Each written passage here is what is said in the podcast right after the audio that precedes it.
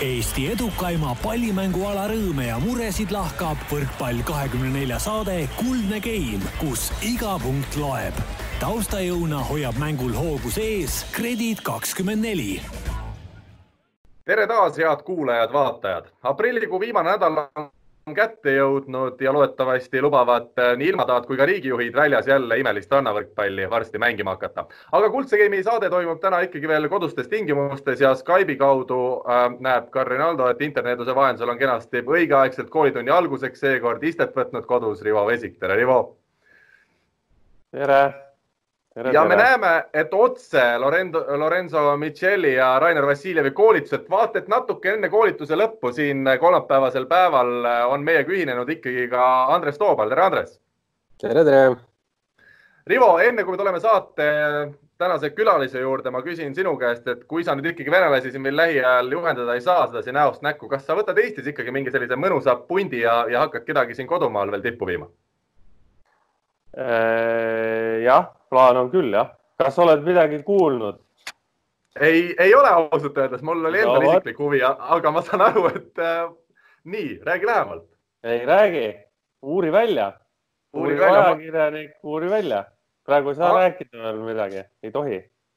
selge Leping, selge. lepingud, asjad, profisport, Karl Rinaldo, siin ei ole midagi nii, et kõik, kõik pressiteade tuleb, siis tuleb selge, aga ma usun, et isegi kui see pressiteade tuleb ja isegi kui sa hakkad siin väga kuulsaid inimesi juhendama, olgu nad spordiga seotud või mitte, siis see kindlasti ei ole nii suur uudis nagu meie tänane teine suur uudis. Andres, need, kes vaatavad meid täna videopildis, näevad, et midagi on juhtunud sinu habemega, kuhu see kadus ja, ja mis selle ära viis? see tugev tuul, nagu Rivo siin just ütles, et sai rattasõiduga mindud liiga hoogu. Keiti vahele hakkas jääma, siis pidi ära jääma. umbes nii, jah. kui pikalt sul see siis oli kasvanud? Ära küsi, ei tea, ei kunagi ei arvesta, kasvab nii, kuidas kasvab ja läheb ära ka siis, kui millal tahab.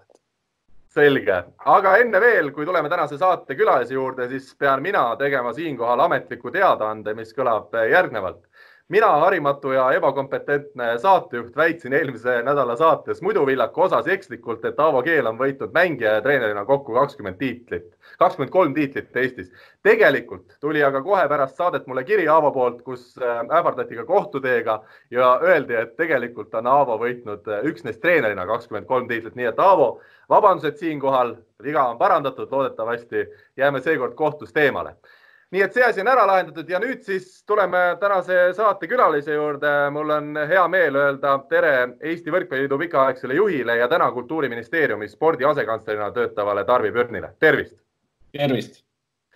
Äh, no sa oled ikkagi võrkpallile jäänud truuks, Tarvi. me näeme sind võrkpallimängudel ikkagi oluliselt näiteks tihedamini kui Rivo Vesikut, kes meil siin küll saates lööb kaasa, ega teda saalis nüüd väga tihti ei näe, et sulle see võrkpall on jäänud ikka südamelähedaseks no on küll, ma muidugi selles esimeses väites julgen natukene kahelda selles mõttes, et äh, Rivo käib seal Venemaal vist ilmselt nendel mängudel, aga, aga minu äh, noh, üldse spordivõistlustel käimise tihedus on ikka ääretult äh, kehvake praegusel hetkel. praegu on meil kõigil tarvis. saan suhteliselt vähe, hoian silma peal muidugi kontaktid on säilinud äh, ja, ja olulistel mängudel üritan ka käia, et aga, aga kuna, kuna see tööpõld on nagu laiemaks muutunud, siis neid võistlusi on päris palju, mida, mida tahaks, mida tahaks jälgida. ma mõtlesin, et sa rääkisid siin praegu viimasest ajast, et, et praegu ega me keegi väga võistlustel ei ole saanud käia Tarvi teatud põhjustel jah, seda küll, jah. aga Tarvi, teeme alustuseks selgeks, tavainimese kuvand ikkagi riigiametnikust on selline, et ta paneb hommikul viimase peal ülikonna selga, siis läheb maja uksest välja, seal on juba sohver ootamas kuuma kohviga, kallis selline auto viib siis maja eest otse sinna Suur-Karja tänavale Kultuuriministeeriumisse ja siis kogu see töö on selline väga ilus. räägi, kas tegelikult oled ka ikkagi sina jätkuvalt selline lihtsurelik? Ma olen jah, olen küll ja ma, ma täitsa põnevusega tahaks teada, et kust selline, selline pilt nagu on tekkinud, et äh, võiks, võiks võib-olla tihedamini riigiametites vaadata, mis tegelikult toimub, et, äh, et äh, ma olen tavaliselt jala. tööautosid ei ole meil, välja arvatud kantsleril ja ministril ja, ja töökeskkond on ka täiesti tavaline kontoriruum, nii et äh, Eesti äh, sporti äh, peame siis kuidagi suutma kureerida kokku nelja inimesega tegelikult, et spordiosakonnas on kolm nõunikku pluss mina. aga loomulikult maja on suurem, et, et kõik tugiosakonnad meid väga hästi aitavad, et on see siis õiguspool või on see finantspool, nii et selles suhtes majas on umbes seitsekümmend inimest. Rivo, sul oli vahepeal midagi tarka juba öelda? Ja, ei no mul oli tarka öelda, et äh, Tarvi ütles, et ikka lihtsureid läheb jala tööle, järelikult elab kesklinnas, siis ikka nii lihtsureid ikka ei ole, onju, et.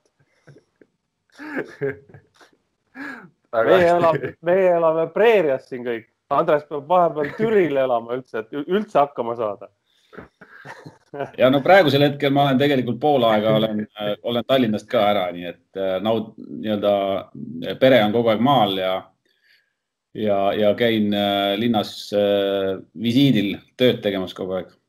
no nüüd sa lähed juba, vead iseennast rappa, et sul on teine maamaja ka veel, jah, selge värk, nii enam sihuke kroonika, kroonika jutt. ma ütleks, et see on niisuguse keskmise eestlase mudel, et tavaliselt ikkagi eestlane tahab seda metsa, metsavaikust ja, ja üksindust ja inimestest puhata, et paraku sellised me oleme, jah no õnneks on nüüd kõikide eestlaste jaoks unelm täitunud, et saab inimestest puhata rahulikult. Kuu aega ja ei, ma kusjuures äh, rääkisin siin päev-kaks tagasi äh, ühe hiidlasega ja tema ütles, et äh, regionaalpoliitikale ja Hiiumaale on see kindlasti päris hästi mõjunud, see kriis, et paljud on tulnud pakku ja, ja toimetavad ja ehitavad ja, ja elu käib no vot, seda on rõõm kuulda. täna, Tarvi, plaanime me rääkida nii sinu tööst Võrkpalliliidus oma, omal ajal kui ka nüüd siis asekantsleri ametist ja loomulikult praegusest olukorrast, kus siis Kultuuriministeerium arutab spordi osas, kuidas, kellele ja mille alusel riiklikku toetust siin raskel ajal maksma hakata.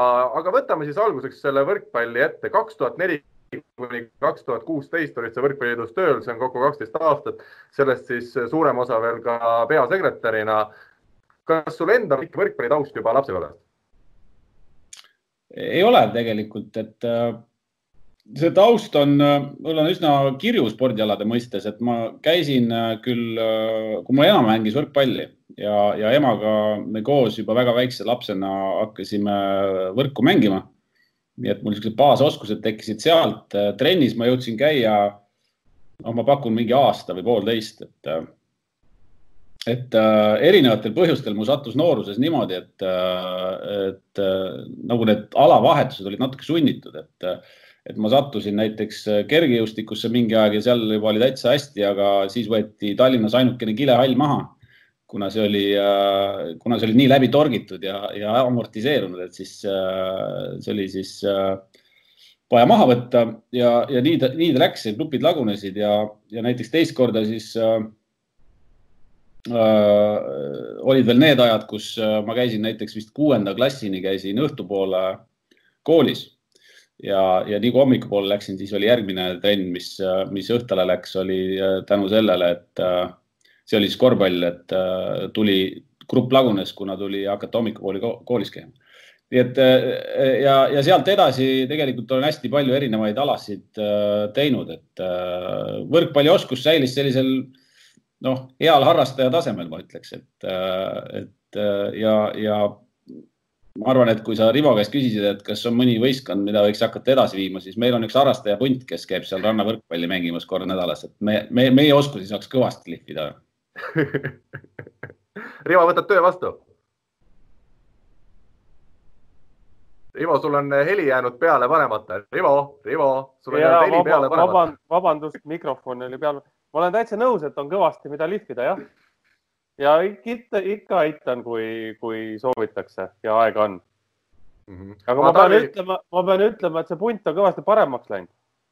nii palju, kui ma näinud olen, no ütleme, pooleaastase vahega oli areng oli märgatav ja see esimene areng on kiire, ma pean ütlema, et, et kui sa pole juba aastaid liiva sees liikunud, siis esimesed paar-kolm kuud on ikka selline, kus, kus sa õpidki seal liiva peal üldse mingeid liigutusi tegema, et kui see hakkab tulema, siis läheb, hakkab mänguks ka minema.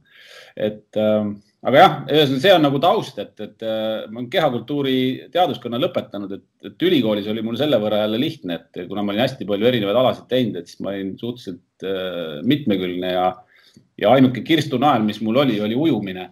Et selles, selle, sellega oli natukene raskusi mul, aga ülejäänud läks nagu, nagu lepsa reega. No ütleme, tulevastes töö, töökohtades on ikkagi tulnud päris palju igalt poolt rasketest olukordadest välja ujuda, et ega sul sellest ujumisestki pole olnud vist pääsu hiljem noh, jah, selline, seal võib öelda, et sihuke laveerimisoskus, võib-olla orienteerumine aitab ja, ja igasugused asjad aitavad, et, et aga jah, neid kergemaid ja raskemaid olukordi tuleb, ma arvan, meil kõigil ette siin. tead, ja Andres, palun. aga päris nagu võrkpallitrennis või, või kas sa nagu käisid või ei käinud noorena? või kes treener? ma ei mäleta täpselt vähemalt, kuidas oli, ma arvan, et see oli mingiks esimeses või teises klassis. ma, ma käisin ühe, minu arust ühe aasta või, või, või isegi kaks. et, äh, et, et see oli äh, üks esimesi trenne, kuhu ema mu enda emotsiooni pealt pani, et äh, aga ma, ma ei suuda enam meenutada, et miks see asi nagu tollel korral pooleli jäi et kas, kas ma siis tahtsin rohkem minna kergejõustikku või, või midagi seal pidi olema, et aga ma ei suuda seda täna enam nagu kokku panna ja, ja, ja, ja vanemad ka ei, ei, ei suuda seda kuidagi meenutada enam. Tead, Tarvi, enne saadet sai siin räägitud mõne võrkpalliliidu inimesega, uuritud, kuidas nemad sind kui juhti mäletavad. esmalt öeldi, et hea juht, öeldi, et usaldasid väga palju oma abilisi ja oskasid igas asjas kaasa rääkida Andres, sina olid äh, ikkagi pikka aega sel, sel perioodil, kui Tarvi Eesti võrkpalli vedas ka, ka koondises. milline mälestus või mulje sinul temast äh, toona jäi? no vaata, siis vaata olin ise ka noor ja, ja võib-olla see koondis oli sihuke, koondise saamine ja seal koondise pundis sees olemine oli sihuke noh, e-, elevust tekitamas, et, et ega väga palju nagu teiste tegemisi ei mäleta. mäletan seda ainult, et Tarvi oli tihti äh, tihti sealjuures ja, ja ma tean, et hästi palju oli see aeg selliseid äh, noh, kas just finantsprobleeme, aga ma tean, et hästi palju oli sellest kuulda, et mida saab teha, mida üldse midagi nagu noh, kuidas üldse majandada see asi ära, et, et seda ma mäletan, et, et Tarvi oli seal, oli pidevalt äh, nii-öelda võistkonna juures küll ja, ja, ja, ja seal nuputati kõvasti, et kuidas äh, kuidas just see finantspool, et ku, kuidas me saame kuhugile võistlema minna, kuidas, mismoodi need asjad käivad varustuse ja nendega, et see oli niisugune tausta, et taustamüra kergelt taga käis sellel, et ähm, aga, aga selles mõttes äh, ma arvan, et võrkpallis on, on olnud üleüldiselt hea see, et, et need inimesed, kes on seda nii-öelda alaliitu juhtinud, ei ole olnud kunagi sellised noh, sellised juhid, kellega sa ei või juttu minna rääkima ja, ja ei tunne ennast äh, kui teistest üle, et, et selles mõttes ma arvan, meil on üleüldiselt vedanud ja, ja, ja Tarvi oli kindlasti üks näide. Tarvi, sa olid nii pikka aega seal Võrkpalliliidu juures, et ega sinna jäid ju erinevad ajad, võtame kasvõi meestekoondise esimesed pääsemised EM-finaalturniirile, samas meie naistekoondis oli sel ajal ju äh, vahepeal üldse ei olnud sellist moodustist nagu naistekoondis ole hea, räägi, Andres siin juba mainis seda rahalist poolt, palju Eesti Võrkpalliliidu selline majanduslik olukord, ütleme, muutus nende aastate jooksul, mil sina seal tööl olid? noh, eks need äh, alustasime, siis oli veel krooni aeg ja, ja, ja eks see inflatsioon on siin teinud oma tööd. ma ei ole ausalt öeldes praegu siin tagasi niimoodi mõelnud, et et kui täna noh, meenutada, et noh, mis need eelarvenumbrid olid, et siis nad täna tunduvad kindlasti nagu üliväiksed, et et kui, kui noh, eriti veel see aeg, kui kaks tuhat üheksa, kui ma võtsin siis peasekretäri koha, et siis see oli ju kriisiaeg. see oli eelmise kriisi aeg, kus meeletult vähenesid riigi toetuste numbrid, eelkõige Hasartmängumaksu Nõukogust laekuvad tulud, et ja, ja see kukkumine oli äh, väga suur. Äh, no kõigi, igal pool spordis. ja, ja eks seal tuli, äh, tuli sellega teha, mis, millega, mis sul oli ja et, et nagu need, kes mäletavad, et kahe tuhande üheksandal aastal jäi ju esimene EM-ile finaalile minemise aeg, eks ole, sügisel ja, ja, ja seal me tegime särgikampaaniaid ja üritasime inimestele nii-öelda neid äh, läbi selle särgi müügi ka koondise eelarvet kasvatada, nii et äh, seal tuli, tuli loovalt läheneda. et mm -hmm. eks ta oli keeruline, aga, aga, aga tuleb tänada neid eratoetajaid, kes, kes raskel ajal vaatamata ikkagi aitasid nõuga ja jõuga, et, et, et sellest oli väga suur abi kui kerge või raske siis neid toetajaid just leida oli, seda räägitakse alati kõige rohkem, et ega, ega see toetajate leidmine üks tänamatu töö ei ole, kuidas Võrkpalliliidus, äh, mil moel, kas ikkagi see edulaine, Eesti koondise edulaine paljuski aitas seda eelarvet ka kasvatada? noh, ega see tuli ikkagi väga tasapisi, et, et selles mõttes, ega sul, kui me räägime äh, on väga erinev, kas sa räägid alaliidu eelarvest kui äh, meistriliigast näiteks, äh, kus sul on ikkagi äh, võrdlemisi palju mänge ja tegevused toimuvad seal kaheksa-üheksa kuud. et sul on, mida müüa, sul on seda eetrit. koondiste puhul ju tegelikult tihti ei olnud ju välismängudest üldse tol ajal ka mingit pilti võimalik saada ehk siis sul polnudki üldse väljundit pakkuda, et need äh, üksikud kodumängud võib-olla, mis sul kodus olid ja, ja juhtus tollel ajal ka nii, et äh, siis mängitagi ju turniire. ja kui mõlemad turniirid olid väljas, siis noh, siis Kuuse Lembitu tegi, eks ole, kaheminutilise loo ERR Sporti ja oligi kogu lugu. et, äh, et ülejäänud käis heal juhul kas siis raadiost või, või lehest, eks ole, et, et et, et ega seda müüa oli nagu tol ajal väga keeruline, et ja, ja eks need olid siukse metseenluse hõnguga toetused, eks ole, et lihtsalt inimesed nägid seal, et seal on äh, ainest ja kes olid, äh, kes olid siis teadsid, et äh, see tolleaegne koondis oli ju noh, see perspektiiv oli näha nendele, kes seda, seda, kes seda sisu natukene teadsid ja, ja seal, kus seal, kus mingi edu ootus on, et sinna, sinna on võimalik äh, ka toetusi saada, noh, reeglina see spordis nii on. oskad sa välja tuua, mis oli selle perioodi jooksul kõige suuremad sellised muudatused Eesti Võrkpalliliidus, mis te sisse viisite või läbi viisite, on sul midagi sedasi meeles ka?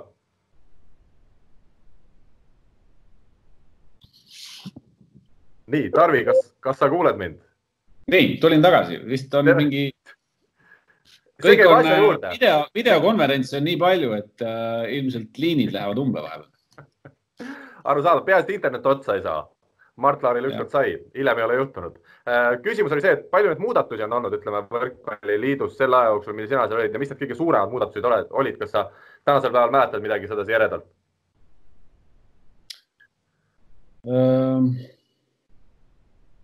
ma ei tea, milliseid muudatusi silmas peetakse, et äh, no struktuuri no, osas näiteks, koondised, midagi sellist.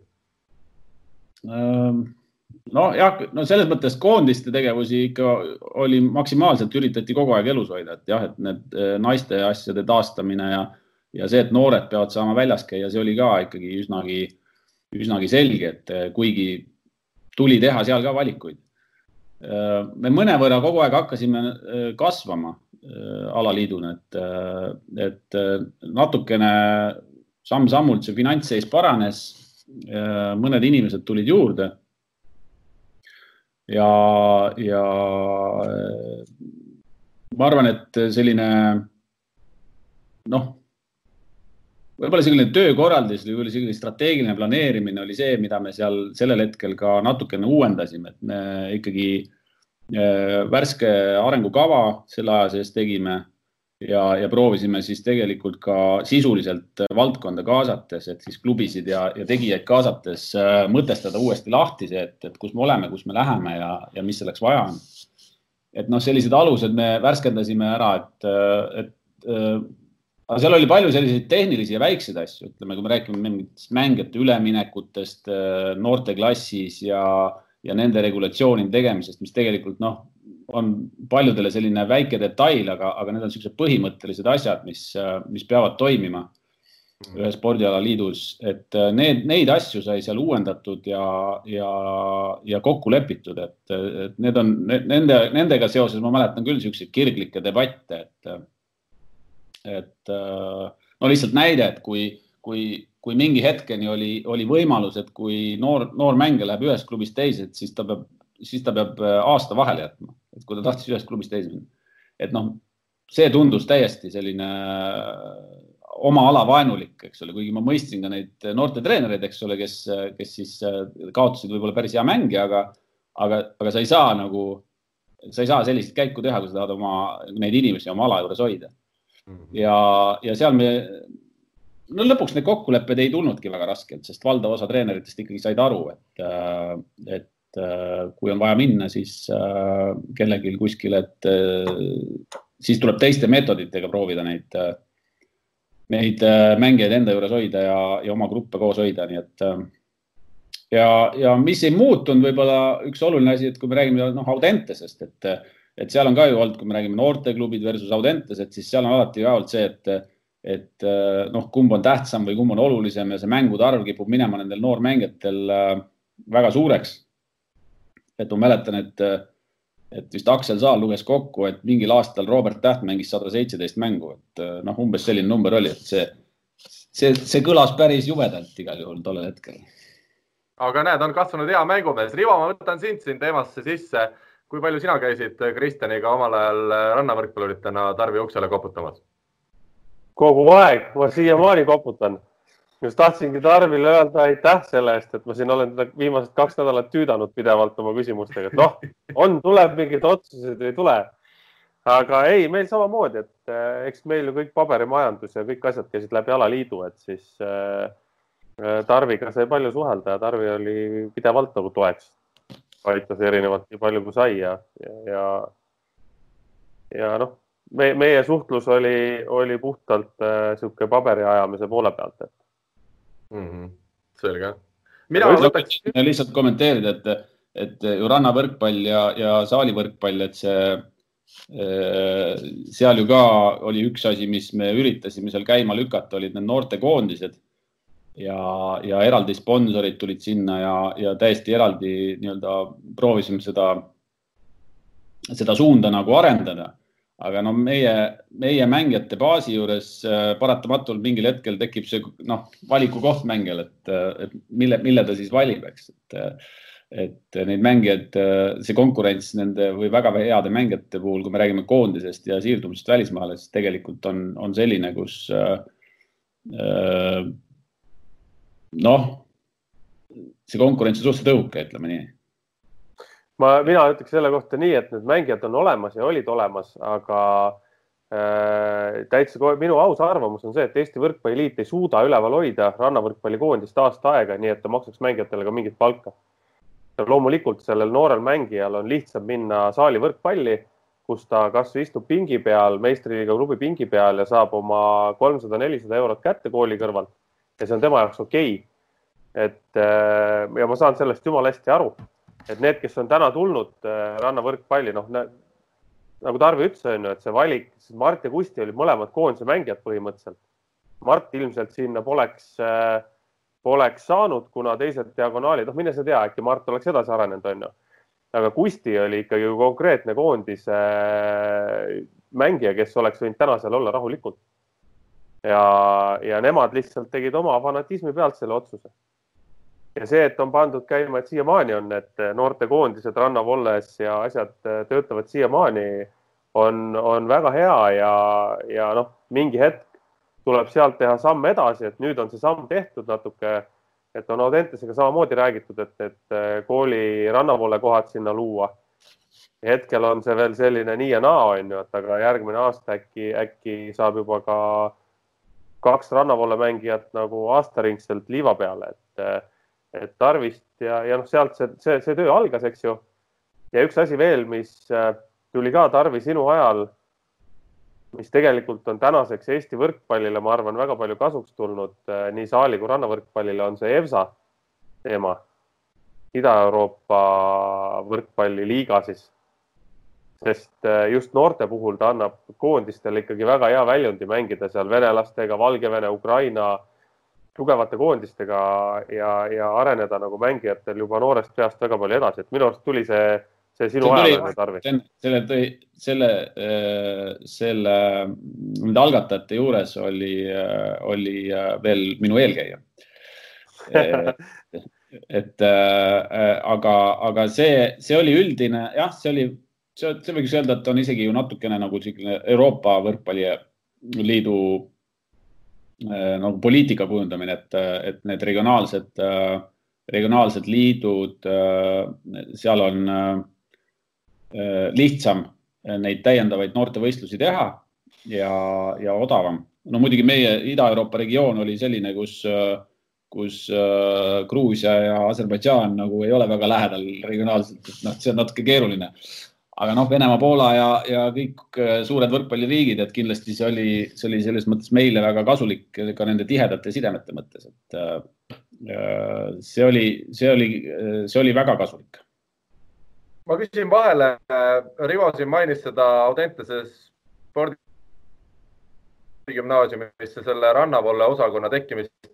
Tarvi, kas sina nüüd äh, jälle oled seotud nende asjadega, ilmselt ma eeldan, äh, oled teadlik, et kas mis seisus see täna siis on, see rannavalle mängijate siis Audentesesse selle koha tekitamine? sellest on juttu olnud, et ta nii kaua oli ta varjusurmas mõte, kuni ei olnud Tallinnas ühtegi äh, head rannahalli, et ei olnud võimalik aastaringselt teha. täna on see seis teine ja, ja teoreetiliselt mõeldav ja teistpidi on Audentese poliitika muutunud kogu aeg, äh, noh, kuidas öelda, vabamaks selles mõttes, et selliseid kindlaid alasid seal on äh, väga vähe ja see kontingent muutub vastavalt sellele. põhimõte on selles, et kui sul on väga perspektiivikad noored, ükskõik millisel äh, reeglina see olümpiaalal, et siis nende jaoks on Audentese uksed avatud mm. -hmm. nii et selle teemaga kindlasti on mõistlik edasi liikuda, lihtsalt äh, Äh, tuleb, äh, tuleb leida üles need talendid, kes soovivad rannavõrkpallile siis täielikult pühenduda ja, ja, ja ma arvan, et äh, see ei ole üldse keeruline. no ma ütlen, ma ütlen siin vahele, et mina tean täna nii palju, et need kohad on tegelikult olemas ja Audentese jah, on öeldud ja isegi alaliidu poolt on huvi, aga mängijaid ei ole mm. -hmm. et seda ei ole nii suure kampaaniana tehtud, on ju, on, on pakutud siin osadele mängijatele, kes on ära öeldud aga sellisena, et nüüd äh, pakkuda kuhugile suurelt välja, et seda täna tehtud veel ei ole. ja, ja noh, võib-olla seda peaks tegema, võib-olla mitte, et, äh, et äh, selles suhtes ma olen Tarviga väga nõus. täiesti mingeid suvalisi mängijaid, kellel sa näed, et ei olegi reaalselt perspektiivi. et sinna, sedasi ei ole sinna mõtet nagu võtta kedagi tiksuma, et et seal võiks olla ikkagi mingisugune pikem eesmärk ja pikem plaan, et äh, aga, aga jah, et selle koha pealt on ka samm edasi tehtud, nii et ma loodan siin lähima aasta-kahe jooksul ikkagi saame sinna mõned mehed peale ka. Andres äh,. tahtsin küsida, et mis see, Rivo, võib-olla sa tead täpsemalt ka, kui palju oli plaanis võtta sinna üldse, neid sinna treeninggruppi? esialgu äh, nagu ma aru sain, siis kaks poissi ja kaks tüdrukut kuidas see välja näeb, kas äh, siis äh, treening nagu, et kas nad saavad nagu, kas mängulist poolt üldse teha siis sellisel juhul? ikka, ikka samamoodi nagu äh, Audenteses käiakse trennis, neil on trenniajad. Nad jõuavad rahulikult siis ükskõik, kas äh, meie juurde terasesse või, või mõnda teise saali, et äh, see, selle peale probleem ma just mõtlen seda, et kui on ainult grupis kaks, et esimene aasta võetakse ainult kaks näiteks või võetakse siis esimene aasta kõikidesse nagu vanusesse nii-öelda kümnes, üheteistkümnes, kaheteistkümnes kohe kaks või, või mismoodi seal. sa mõtled nagu sparringu mõttes, ma saan aru? ja sparringu mõttes ja et, et kui on kaks ainult trennis, siis ma kujutan ette, et on päris keeruline või ei ole? Äh, sparringu mõttes ma arvan, et äh, neile esimesed neli kuud ei ole mitte mingit sparringut vaja, et seal on vaja tehnika ja, ja liikumised, asjad paika panna kõigepealt äh, vähemalt, vähemalt neli kuud. ja noh, Mardi Kusti näol on, on sparring olemas ja, ja kuna tegemist on ikkagi keskkooli poistega, siis siis nende treeningkaaslaste leidmisega ja sparringu leidmisega, see neile ei ole probleem. seal võin mina väljakul seista, võid sina seista, ükskõik kes, kui on vaja mängida, eks ju. Pigem on küsimus, äh, minu jaoks on pigem küsimus just äh, neile võistlusväljundi, väljundi pakkumises. et noh, me saame, on ka ju turniire, meesteturniire, kus nad saavad mängida nii Nõos kui meil Terases toimuvad, eks ju. ja, ja rahvusvahelisi turniire ka talvel kuskil saalides et, et see pool on see, et mis, mis tuleks nagu läbi mõelda selle treening spaaringu kohta koha pealt ma ei muretseks üldse. Ja seal on küsimus ka selles, et kas seda osalist kaugõpet saab nagu äh, rakendada või mitte, et noh, selle, selle tiimi eelarve peaks olema kindlasti selline, kus sa saad talle talvel mingit laagrit ka võimaldada, et äh, olgu see siis kasvõi sees ja Lätis või, või, või, või lätlased siin või mingid sellises stiilis äh, või siis ikkagi lähevad kuskile Taisse mingiks neljaks nädalaks näiteks või mis iganes. Aga, aga jah, päris noh, see seal kaheksa, kui palju meil on siin, kuus-seitse, kuus kuud äh, nelja seina vahel, et see, see ilmselt päris hästi ei tööta mm. -hmm. aga ta, raha, raha, jah. kui sa käiks praegu välja sellise klausli kuskil, et tulge rannavoolule trenni ja te olete neli kuud aastat, neli nädalat aastast olete Tais. pooled saalimängijad tulekski ära vist järjekord oleks pikk, kõik tahaksid saada, Karl tuleks ka, Karl valetaks oma vanuse nooremaks absoluutselt, ma tahtsin küsida, kuidas sellistel hetkedel see raha tulek käib, kas seal ikkagi Võrkpalliliit ja, ja siis Kultuuriministeerium panevad mingid rahad kokku või kust leitakse need lisavahendid, et näiteks need rannavõrkpallipaar kohta sinna tekitada? No seal on päris, see on nüansirikas, aga selles mõttes, et see elamine, toit ja, ja, ja õppetegevus, see on nagu kaetud sellest äh, riigihanke lepingust, mis on Audentesega tehtud, aga seal on küsimus selles treeningbaasis, transpordis ja mingis sellistes, sellistes asjades, et kuidas see nagu reaalselt korraldatakse ja tavaliselt see jääb alaliidu õlule mm. -hmm. et äh, seal on ka ilmselt veel võimalik mingisuguseid kokkuleppeid saavutada, aga see on, need on kõik need alad, mida Audenteses endas sees ei ole võimalik teha seal äh, sõltub see, et kas, kui palju on võimalik alaliidul äh, nagu täiendavalt panustada.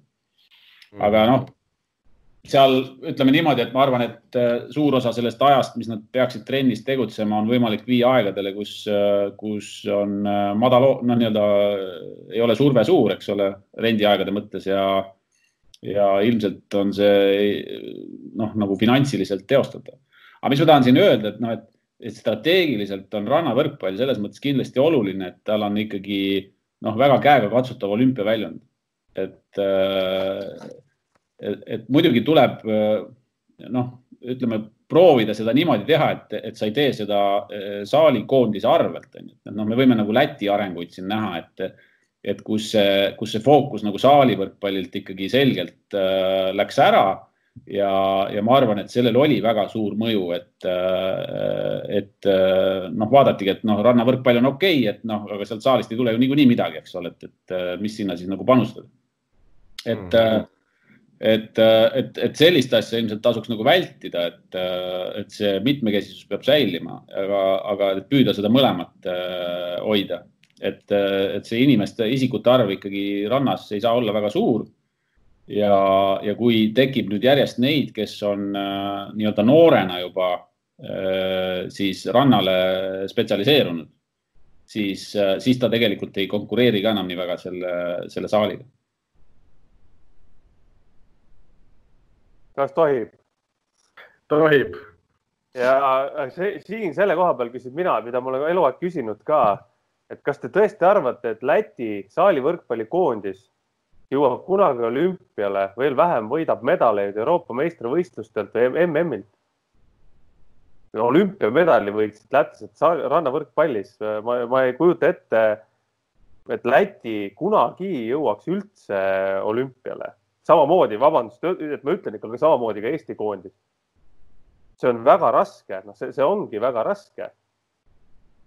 Kui... ma lihtsalt äh, tahan seda öelda, et, et, et see ongi selline väga strateegiline ala arendamise valik, lihtsalt äh, väide on see, et, äh, et kui sul saali võrkpall on noh, ütleme olematu või väga kehval tasemel, siis sul väga laia kandepinnaga spordiala on keeruline üles ehitada et see oli ja, see, nagu, millest tuleb nagu lähtuda, et, et see suurem mass või suurem äh, laste hulk ikkagi saab olla saali võrkpallis ja selleks peab sul olema head saalitreenerid, sul peavad olema äh, pikad traditsioonid ja sa pead suutma neid hoida, et, et seda ala üldse nagu äh, suurena hoida.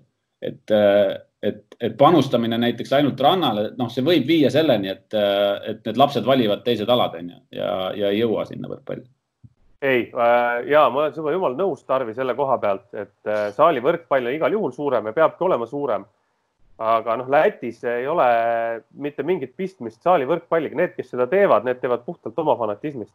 alaliit, ma ei tea, palju see suur see neil see alaliidu toetus on, nii palju, kui ma kuulnud olen, on see üsna pisike. et äh, need, kes on tulemusi teinud, need teevad oma fanatismist ja teevad samamoodi edasi. aga mis on selles suhtes väga hea näide teistmoodi süsteemiga, on Poola. Kes Poola, kes hakkas mingi hetk, hakkas hirmsat moodi sõna otseses mõttes tootma rannavõrkpallureid. Neil oli spordikoolis oli kümme poissi, kes tegid rannavõrkpalli, kümme tüdrukut, kes tegid rannavõrkpalli, ainult rannavõrkpalli. ja lõpuks jõudsid nad sinnamaani välja, et äh, nad, nad said aru, et neil ei ole mõtet nii palju neid mängijaid toota, sest neil ei ole kuskil mängida.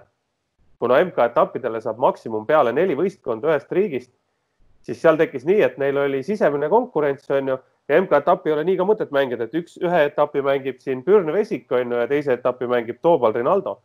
et seal peab ikkagi nagu koguma punkte ja nii edasi, nii edasi, nii edasi, siis äh, tekkiski situatsioon, kus nendel, kes tulid, lõpetasid oma spordikooli ära, kes olid siis nagu rannavõrkpallurid, neil ei olnud kuskil mängida. Nad lõpetasid põhimõtteliselt spordi tegemise ära, sest äh, Poola saaliliigasse nad ei mahu, välismaa saaliliigadesse neid ei taheta, kuna nad ei ole saalis mänginud.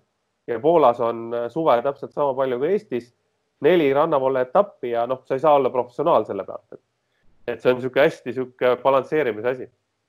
Andres, siit siit ongi see, et, et kui palju siis oleks optimaalne siin Eestis äh, selliseid iga, iga-aastaselt äh, selliseid äh, ranna, rannavõrkpallureid siis kasvatada, et see, see noh, kui on Poolas on kümme tükki, et kui palju on suurem Poola nagu Eestist, et, et okei okay,, ma saan aru, et neli tükki saaks MK-etapile, aga, aga kuidas, kuidas sellega nagu oleks, et et kui me, kui meil oleks ka siin, kas, kui on, kui on nüüd üks paar nagu aastas, siis oleks nagu okei okay või, või neid peaks nagu noh, kui lõpetavad kaheteistkümnenda ja proovivad nagu edasi nagu profina minna, onju.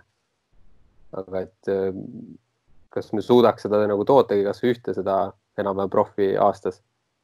seal, seal oli lihtsalt see asi, et Poolas võetigi põhimõtteliselt võeti iga aasta kaheksa kuni kümme uut poissi kümnendasse klassi ja praegult on ka, Raineril just see koolitus oli ja siiamaani on kümme, kümme tükki, noh, tähendab kümme tükki on korraga selles äh, Spalas või kus kuradi, ma ei mäleta. ja, ja, ja, Spalas jah, ta on metsas.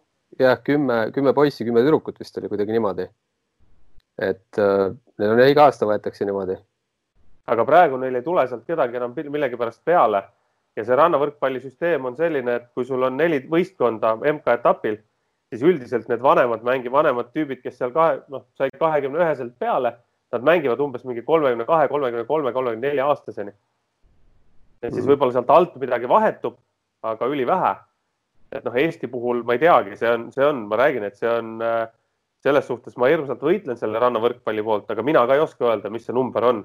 kas meil peaks olema neli poissi, neli tüdrukut iga aasta, kas me peaks võtma neid iga kahe aasta tagant peale minu arvamus on, et tuleks vaadata natuke seda, et äh, vaata saali võrkpallis ka need sünniaastad kuidagi seal loevad, kas on turniirid, kas ei ole turniirid, on ju, rannas minu arust on vastupidi, et mm. Äh, et siis, äh, et vaadata nende sünniaastate järgi, et keda, kuhu, kuhu siis suunata.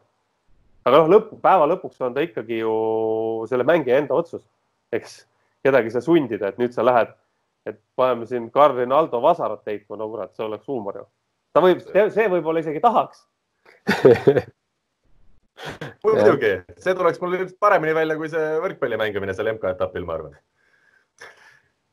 aga ma saan aru, me võiksime rannavõrkpallist rääkida täna ilmselt tundide viisi ja, ja nii igas saates, aga hästi lühidalt siin veel esimese teema lõppu. Tarvi on mul mõned küsimused, mis mind ennast kõvasti huvitavad. täna on meil alaliidu president Hanno Pevkur, kes ikkagi võrkpalli jagab äh, väga palju äh, ja, ja see, seda, see on meile kõigile selge kui meil oli Vilja Savisaar-Toomast, siis kas see ikkagi oli selline puhas poliitika alaliidu ees, et aidata rahasid tuua või kuidas sina seal alaliidus tol hetkel töötanuna tundsid, milline see olukord ja suhe selle, selle siis ametliku presidendiga oli tol hetkel?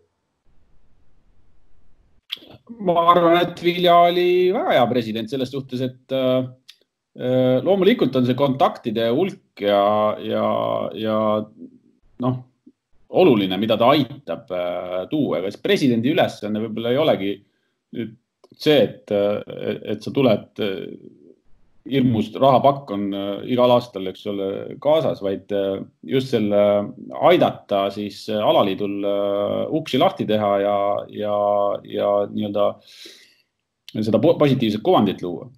ja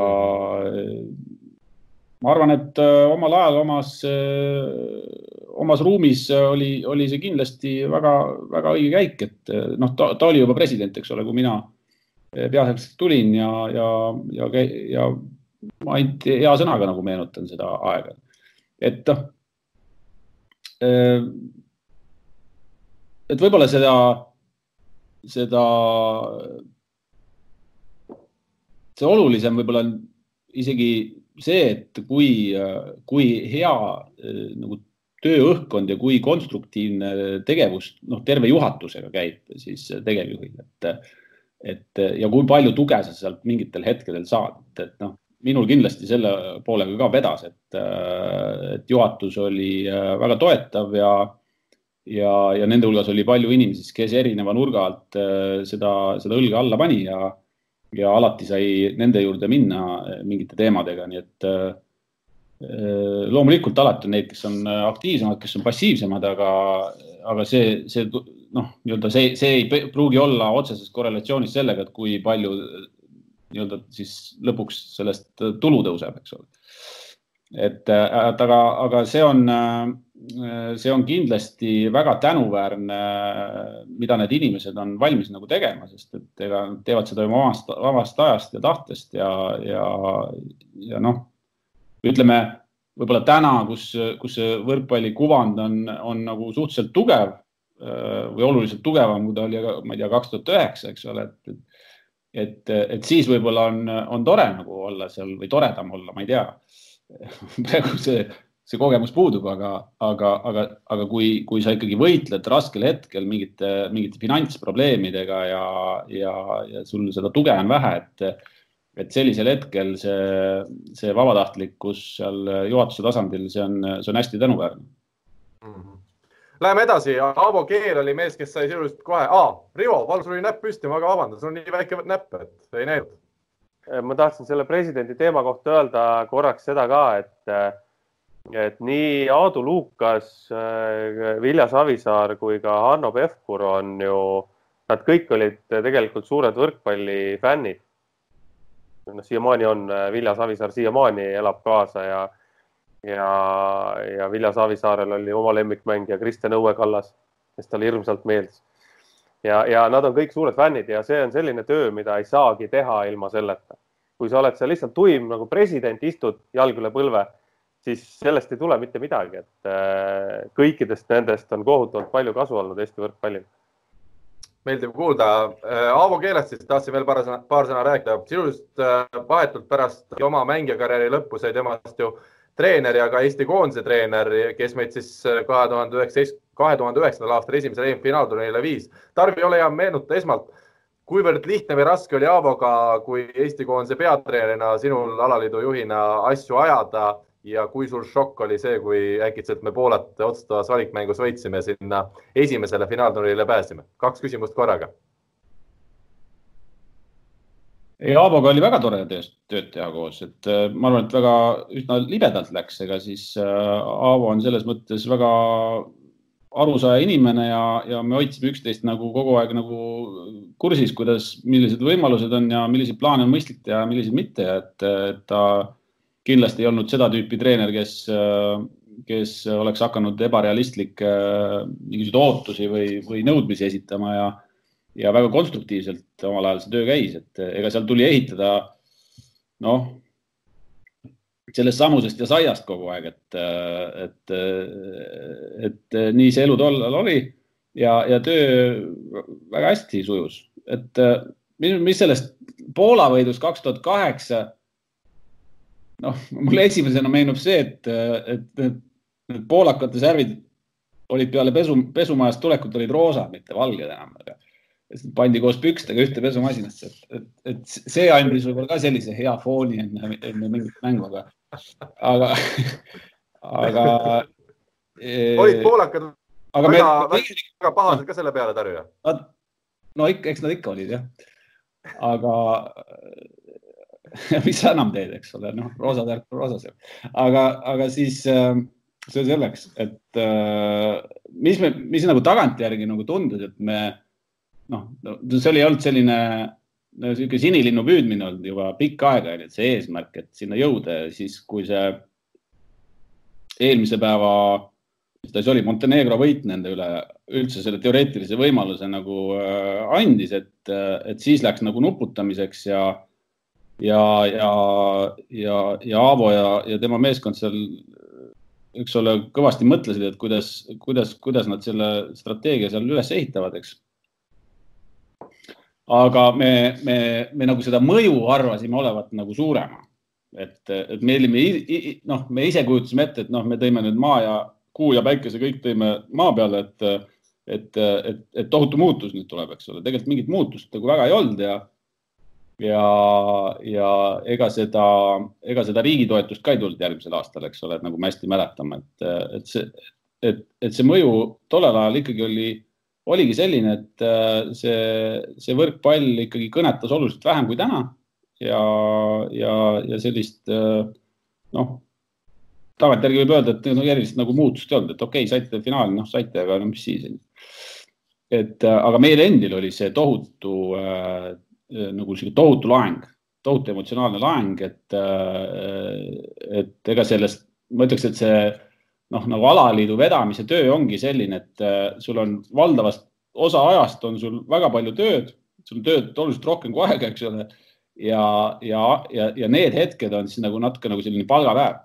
et, et, et sealt sa saad selle tohutu rahulduse ja, ja tohutu motivatsiooni nagu edasi äh, pingutada et ja see ei ole ainult noh, ütleme siis mingi noh, ka väiksemad võidud, eks ole, on, on, on, on, toimivad samamoodi, nii et, et ükskõik, kas sa siis pääsed sinna finaali, siin neid raskeid mänge oli, tuli hiljem veel riburada peal et, et ega see kunagi pole lihtne olnud ja, ja, ja siis viimase EM-i valguses oli ju, tuletasime ju hästi meelde ka seda, et ega see Montenegro on meil alati väga palju peavalu teinud, et, et, et see lihtsalt kordus jälle. üks nimi veel siia lõppu, Georgi Kretsu tuli siis peatreeneriks kahe tuhande neljateistkümnendal aastal ja mäletame, et Aavo tegelikult ju soovinuks veel ise ühe aasta nii-öelda lõpuni teha oma seda, kas seal oli vist üks valikturniir pooleli või midagi sellist, et, et see otsus tuli ilmselt suhteliselt keeruline ka Võrkpalliliidul vastu võtta. lõpuks äh, noh, on erinevaid arvamusi eesotsas Rivoga, kes ütlevad, et tulemusi väga ei tulnud Kretsuga, aga, aga samas nagu võrkpall ikkagi edasi suudeti viia, nii nagu mängijad on öelnud. kuidas sina seda treeneri muudatust mäletad tol hetkel ja, ja kuidas te Kretsuni jõudsite? me mäletame, et Gert Toobal vist aitas seal natukene neid asju teha ja, Aavo viimane turniir oli, kui ma nüüd mäletan, äkki see oligi see kaks tuhat neliteist jaanuar mm valik äh, Saksamaal äkki oli. et äh, eks see kuidagi, see arusaamine tekkis seal äh,, seal oli juhatusliikmeid oli seal turniiril ja, ja, ja, ja oli noh, eks ta tavaliselt on näha ka, et kui see kooslus enam ei toimi et ega sa mängijaid välja vahetada ei saa, et, et siis äh, tuleb otsida seda järgmist käiku ikkagi nagu treeneri näol, et, et äh, kas see toimus õigel hetkel või valel hetkel, et siin on nagu erinevaid arvamusi, et, äh, et et vist Aavo on oma raamatus ka seda, mäletan, nagu meenutanud, eks, et kuidas see nagu tolle tundus, aga, aga ega me ei tea kunagi, et aga, aga jah, et et äh, kui me seda treenerit otsisime, siis äh, üks oli kindel, et me ei tahtnud teha sellist äh, mingisugust, et esitage nüüd kõik avaldusi, eks ole, tüüpi asja.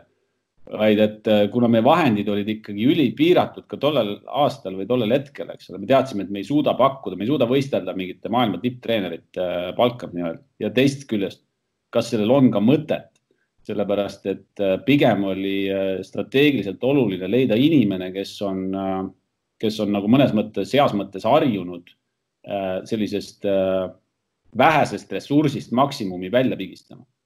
ja kes oleks, äh, kes aitaks nagu noh, mängijatel edasi areneda ja, ja, kõik need sellised omadused. ja, ja tõepoolest, Gert oli see, kellega me päris mitmel korral arutasime. mul oli seal ringis oli veel paar mängijat, kes, kelle käest me nagu soovitusi küsisime, et kellel oli kogemusi, noh, mitmeid on ju, näiteks Eerik Jaago ja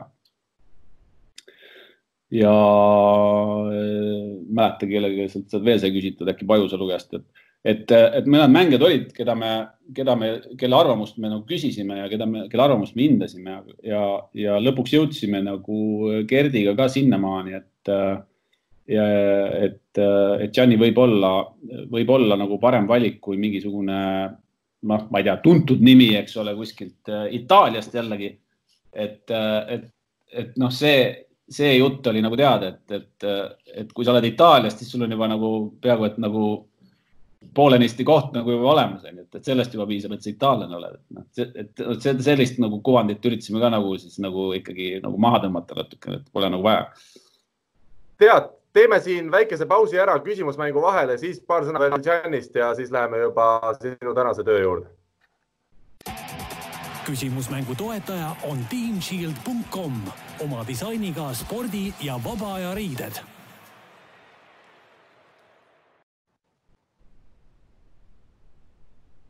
nii ja eelmisel nädalal siis käis meil külas saates Argo Meresaar ja seoses sellega küsisime, kes vahetas Meresaare Tartu Bigbanki päevil välja tema esimest endise koduklubi Tallinna Selveri vastu. vihjeks ütlesime siis nii palju, et Tartu juhtis mängu kaks-null, kui esmakordselt Meresaar välja võeti ja kaotas lõpuks selle kohtumise kaks-kolm. tõsi, Meresaar ikkagi ise naasis eh, hiljem väljakule, nii et see mees, kes tema asemel väljakule tuli, ei olnud päris selles süüdi nüüd, et, et see mäng sedasi kaotati kes Meresaare välja vahetas. oota, mul korra hakkis, kas sa küsisid minu käest või? ma küsisin sinu käest, kas sa tead, kes see võis olla, kes Meresaare välja vahetas tema esimeses mängus Tartu ridades äh, Selveri vastu? üks diagonaalründaja, kellest pärast päris hea mängija. ma ise, ma kuulasin seda eelmist saadet küll, aga ma, ma, ma ise arvasin, et äkki Teppan oli, noor Teppan ja täpselt nii, Rene Teppan, noor Teppan ta välja vahetas ja ega seal palju aega ei läinud, kui Teppan oli juba Tartus ka täitsa põhimees. nii et selline omamoodi ikkagi erinevate põlvkondade vahetus seal Tartu Bigbankis aset leidis. ja õigeid vastajaid oli meid siis kuusteist. üks inimene arvas, et see oli Robert Täht, kes ta välja vahetas, aga teised kõik teadsid Teppanit ja Tarvi ühest kuueteistkümneni, ole hea, ütle üks ilus number. kolm kolm ja Joosep Järvpõld, palju õnne erilahendusega võrkpalli kahekümne nelja legendide spordisärk siis läheb temale ja uue nädala küsimus on meil siis ka ette valmistatud, kohe sellega ette kuvan. mitmel saali võrkpalli tiitlivõistluste finaalturniiril osalesid Eesti koondised ajal, mil Tarvi oli ametis Eesti Võrkpalliliidus peasekretärina? väga lihtne küsimus ja vastused saab saata nii nagu ikka info, et võrkpalli kakskümmend neli punkt ee ja võrkpalli kahekümne nelja Facebooki lehe sõnumitesse ja jälle läheb meil loosi üks erilahendusega särk. Rivo, sa vaatad nii imeliku näoga, et tahaks nagu ise osaleda kohe selles mängus või? ei ma teen tööd, Karl, ma teen tööd vahepeal. väga hea, väga hea, seda on rõõm kuulda, et, et sul ikkagi tegevusi jätkub ka, ka saate ajal. aga ma pean siin... ütlema, ma pean ütlema, et mul ei ole õrna aimugi, see on nii hea küsimus, et peab lausa paneb mõtlema ja ausalt öeldes täna on üks nendest saadetes, kus meil neljal ka kellelgi veel aimu ei ole, mis õige vastus on, sest me hakkame seda alles pärast saate lõppu välja arvutama, aga see selleks, järgmiseks, järgmiseks nädalaks on meil kindlasti see õige vastus teada ja, ja ootame siis kõiki vastuseid ja meie läheme siit edasi siis saate teise osa juurde.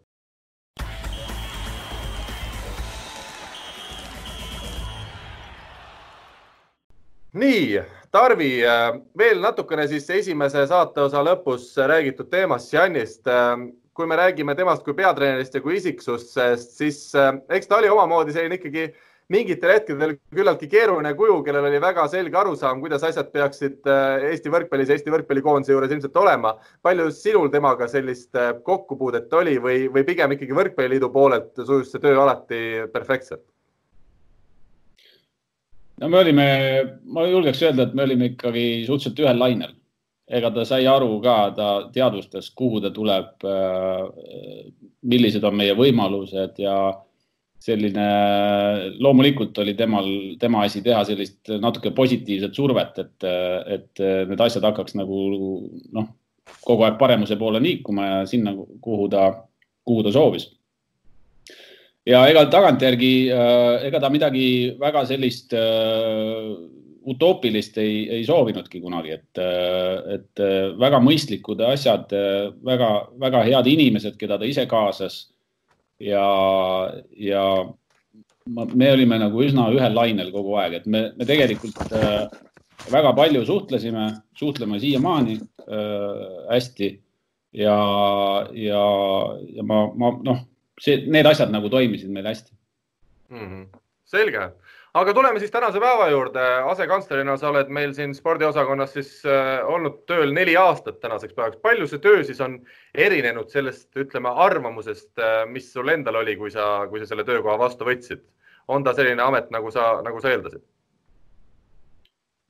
kui ma läksin, siis mul ikkagi üsna, üsna ettekujutus oli ikkagi olemas, et mida ma, mida ma tegema hakkan ja, ja noh, loomulikult ei, ei, ei teadnud ma lõpuni välja, et kuidas need asjad nagu päriselt käivad, eks ole, et, et, et igal, igal, igal pool on ikka omad nüansid ja detailid, aga, aga selline noh, ütleme mingid põhiasjad või ikka visioon, et mida, kuhu poole liikuda, see oli mul nagu selgelt olemas ja, ja ega ma võib-olla alguses ei teadnud täpselt, et äh, kuidas, äh, kuidas päris täpselt nagu nendega edasi liikuda, aga, aga nagu sellised selg, selged nagu pidepunktid mul olid olemas. mul oli selles mõttes lihtne ka, et ega ma mingites töörühmades olin osalenud peasekretärina juba Kultuuriministeeriumi ajal, et, et seal see rahastamise reform nagu natuke hakkas juba liikuma ja hakati sisendit koguma. et see, see sattus tegelikult niimoodi, et ma ma nagu sama laua tagant vahetasin nagu positsioon, et hakkasin ise seda, seda asja siis nagu juhtima, et, et noh, et selles mõttes ettekujutus nagu oli olemas, et äh, ja mis ma oskan öelda, noh, et kõige suurem erinevus on see, et sa tegelikult oled sellest äh, higist ja verest oled nagu väga palju kaugemal et mm, -hmm. et seda sa enam ei, ei tunne, eks ole, et, et platsi ääres sa ikkagi olid seal, äh, käed olid mullased ikkagi, ütleme nii. Ja, aga nüüd see on jäänud kaugeks ja, aga ma jätkuvalt äh, tegelikult üsna palju naudin seda, sellepärast et, et õnneks on olnud nii-öelda asjaolud üsnagi soodsad. On olnud toetavad ministrid, on olnud hea spordist arusaav ja, ja seda toetav peaminister, need kõik on väga olulised nüansid, et mingid asjad võiksid edasi liikuda ja, ja noh, noh, ma näen nagu teistpidi seda, et noh, et kuidas noh, vaikselt samm-sammult meil mingi, mingisugused asjad lähevad kogu aeg nagu paremaks, et, et, et siiamaani see niimoodi on läinud. Ma just selleni tahtsin ka korraks jõuda, et, et kas, kas sa vaatad nüüd kogu seda spordi, ütleme, süsteemi natuke teise pilguga ka nüüd, kui, kui ainult ennem olid nii-öelda võrkpallikeskselt, et, et kas see on nagu teistmoodi, et kas, kas kellelegi tehakse liiga ja noh, siin on hästi palju siukseid, noh, siukseid artikleid või, või mingid alaliidud nagu noh, niisugune väike ping on juures kogu aeg, et kellele tehakse liiga, kes saab liiga palju, et et, et ega, ega isegi vahest on siin võib-olla Võrkpalliliidugi poolt mingi teatud perioodil oli, kus, kus hästi palju niisugust natuke negatiivset kuvandit tuli minu arust äh, ajakirjandusse, kus, kus räägiti, et ah, ei ole raha ja ei ole noh, nagu siin praegu osad klubidki, et, et, et minu jaoks see nagu ei tekita kuidagi sellist äh, fooni ka, et miks peaks sponsor tulemagi nagu selle juurde, kui sul, kui sa kogu aeg räägid nagu negatiivses võtmes, meil ei ole raha ja nii raske ja, ja kõik sihuke asi, et, et kas nüüd võib-olla siis sealtpoolt on natuke teine vaade, vaade nagu sellele asjale? no ei ja kahtlemata, nagu ma alguses ütlesin ka, et ega siis äh, ega mul see nii-öelda võimalus äh, olla nüüd nagu kursis kõikide aladega või kõiki asju jälgida on väike, aga et või pigem sa teed seda nagu distantsil ja oluliselt siuksed andmed, andmed jooksevad sulle kätte nagu teistpidi, et me vaatame nagu statistikat ja, ja, ja tulemusi nagu, et kõik see, kõik see jookseb nagu teistpidi kätte ja, ja ütleme, minu jaoks oli see võib-olla see noh, Team Estonia siis väljakujundamine oli see koht, kus noh, sa pididki nagu hästi lahti mõtestama selle kogu selle spordi ja, ja need alad ja, ja, ja kuhu, kuhu see fookus on läinud näiteks ka loomulikku rada pidi. et noh, nii palju võin näiteks öelda, et, et kui vahest hakatakse rääkima sellest nii-öelda spordialade prioriseerimisest, et noh, valime välja mingi hulk alasid ja siis keskendume nendele ja siis, siis on jube hästi. Et noh, selle peale ütleks, et noh, esimesed viis, kuus, seitse ala saavad umbes viiskümmend protsenti ressursist nagu, mis on äh, riik panustab ja, ja ütleme, sihuke kaksteist, kolmteist ala on see, kus läheb kaheksakümmend protsenti. et noh, see on tegelikult loomulikul teel tekkinud äh, prioriteedid äh,, kuhu siis valdav osa riigi toetusi nagu läheb. Ja, ja selgelt on see, et on olümpiaalad, on äh, prioriteet number üks äh, ja, ja sealhulgas siis ka võistkondlikud alad, et äh, et mida on õnnestunud võib-olla siin selle lisaraha tulemisega nagu lihtsalt seda võistkondlike alade rahastamise süsteemsust nagu lihtsalt parandada. Et kui, kui individuaalaladel on olnud pikalt see süsteem olemas, et näiteks mida Rivo ka väga hästi teab, eks ole, et, kui sa Äh, oled olümpia ettevalmistussüsteemis sees ja sul on korralikud tulemused, et siis äh, see süsteem toimib ju väga ammu, et siis, siis sa võid sellele avaliku sektori toetusel nagu kindel olla ja, ja EOK-st, EOK kaudu need toetused tulevad. Aga, aga noh, võistkondlikel aladel, nagu me siis äh, teame, ega see päris nii nagu pole olnud, eks ole, et, et ja seal on, seal oli ka see puudus, et, et tegelikult selliseid mõõdikuid nagu väga hästi ei ole sama, samasid mõõdikuid ei ole võimalik rakendada. no et ütleme niimoodi, et kui me tänaseks oleme riigis nagu, nagu sellised esmased mõõdikud paika pannud, et siis me tegelikult äh, saame rääkida, et kui me individuaalalas räägime vähemalt äh, top kümne kohast äh, rahvusvahelistel tiitlivõistlustel, siis, siis võistkondlike alade jaoks see lävend või see tulemus, miinimumtulemus on finaali jõudmine. et, et see on, see on nüüd, nüüd mingisugune vähemalt siis kirja pandud ja, ja mida kaugemale sa sealt jõuad, seda, seda, seda, seda rohkem seda siis nagu arvestatakse mm.. et ja, ja mis ja ega see noh, mis on oluline veel on see, et ega siis see alaliitude rahastamine või riigi raha jõudmine toetustena alaliitudeni, no see, see kogu see süsteem sai ka ringi äh, nagu vaadatud, et seal olid äh, esimese ringi mudel oli välja töötatud ehk siis põhimõtted olid välja töötatud, aga see tuli natukene ringi teha, et see oleks äh, äh, noh, kuidas öelda, et ta, ta, see Excel ei toiminud kohe. Et äh, seal tekkisid väga suured kõikumised, näiteks siis just näiteks nende alade suhtes, kus, kus meil on olümpiamedalid, aga ei ole väga palju harrastajaid, noh näiteks sõudmine või vehklemine ja, ja meil on väga eri tüüpi alasid Eestis olemas, et, et need on lihtsalt sellised traditsioonilised alad, mis on edukad rahvusvaheliselt, aga see ala harrastajate hulk on väga väike. Ja need on kaks põhilist kriteeriumi, mille alusel äh, tegelikult äh, riigi raha jagatakse, et vaadatakse seda tulemuslikkust ja vaadatakse ka seda ala harrastajaste hulka. et äh, noh, tegelikult me võimegi öelda, et see ongi mõju ühiskonnale, et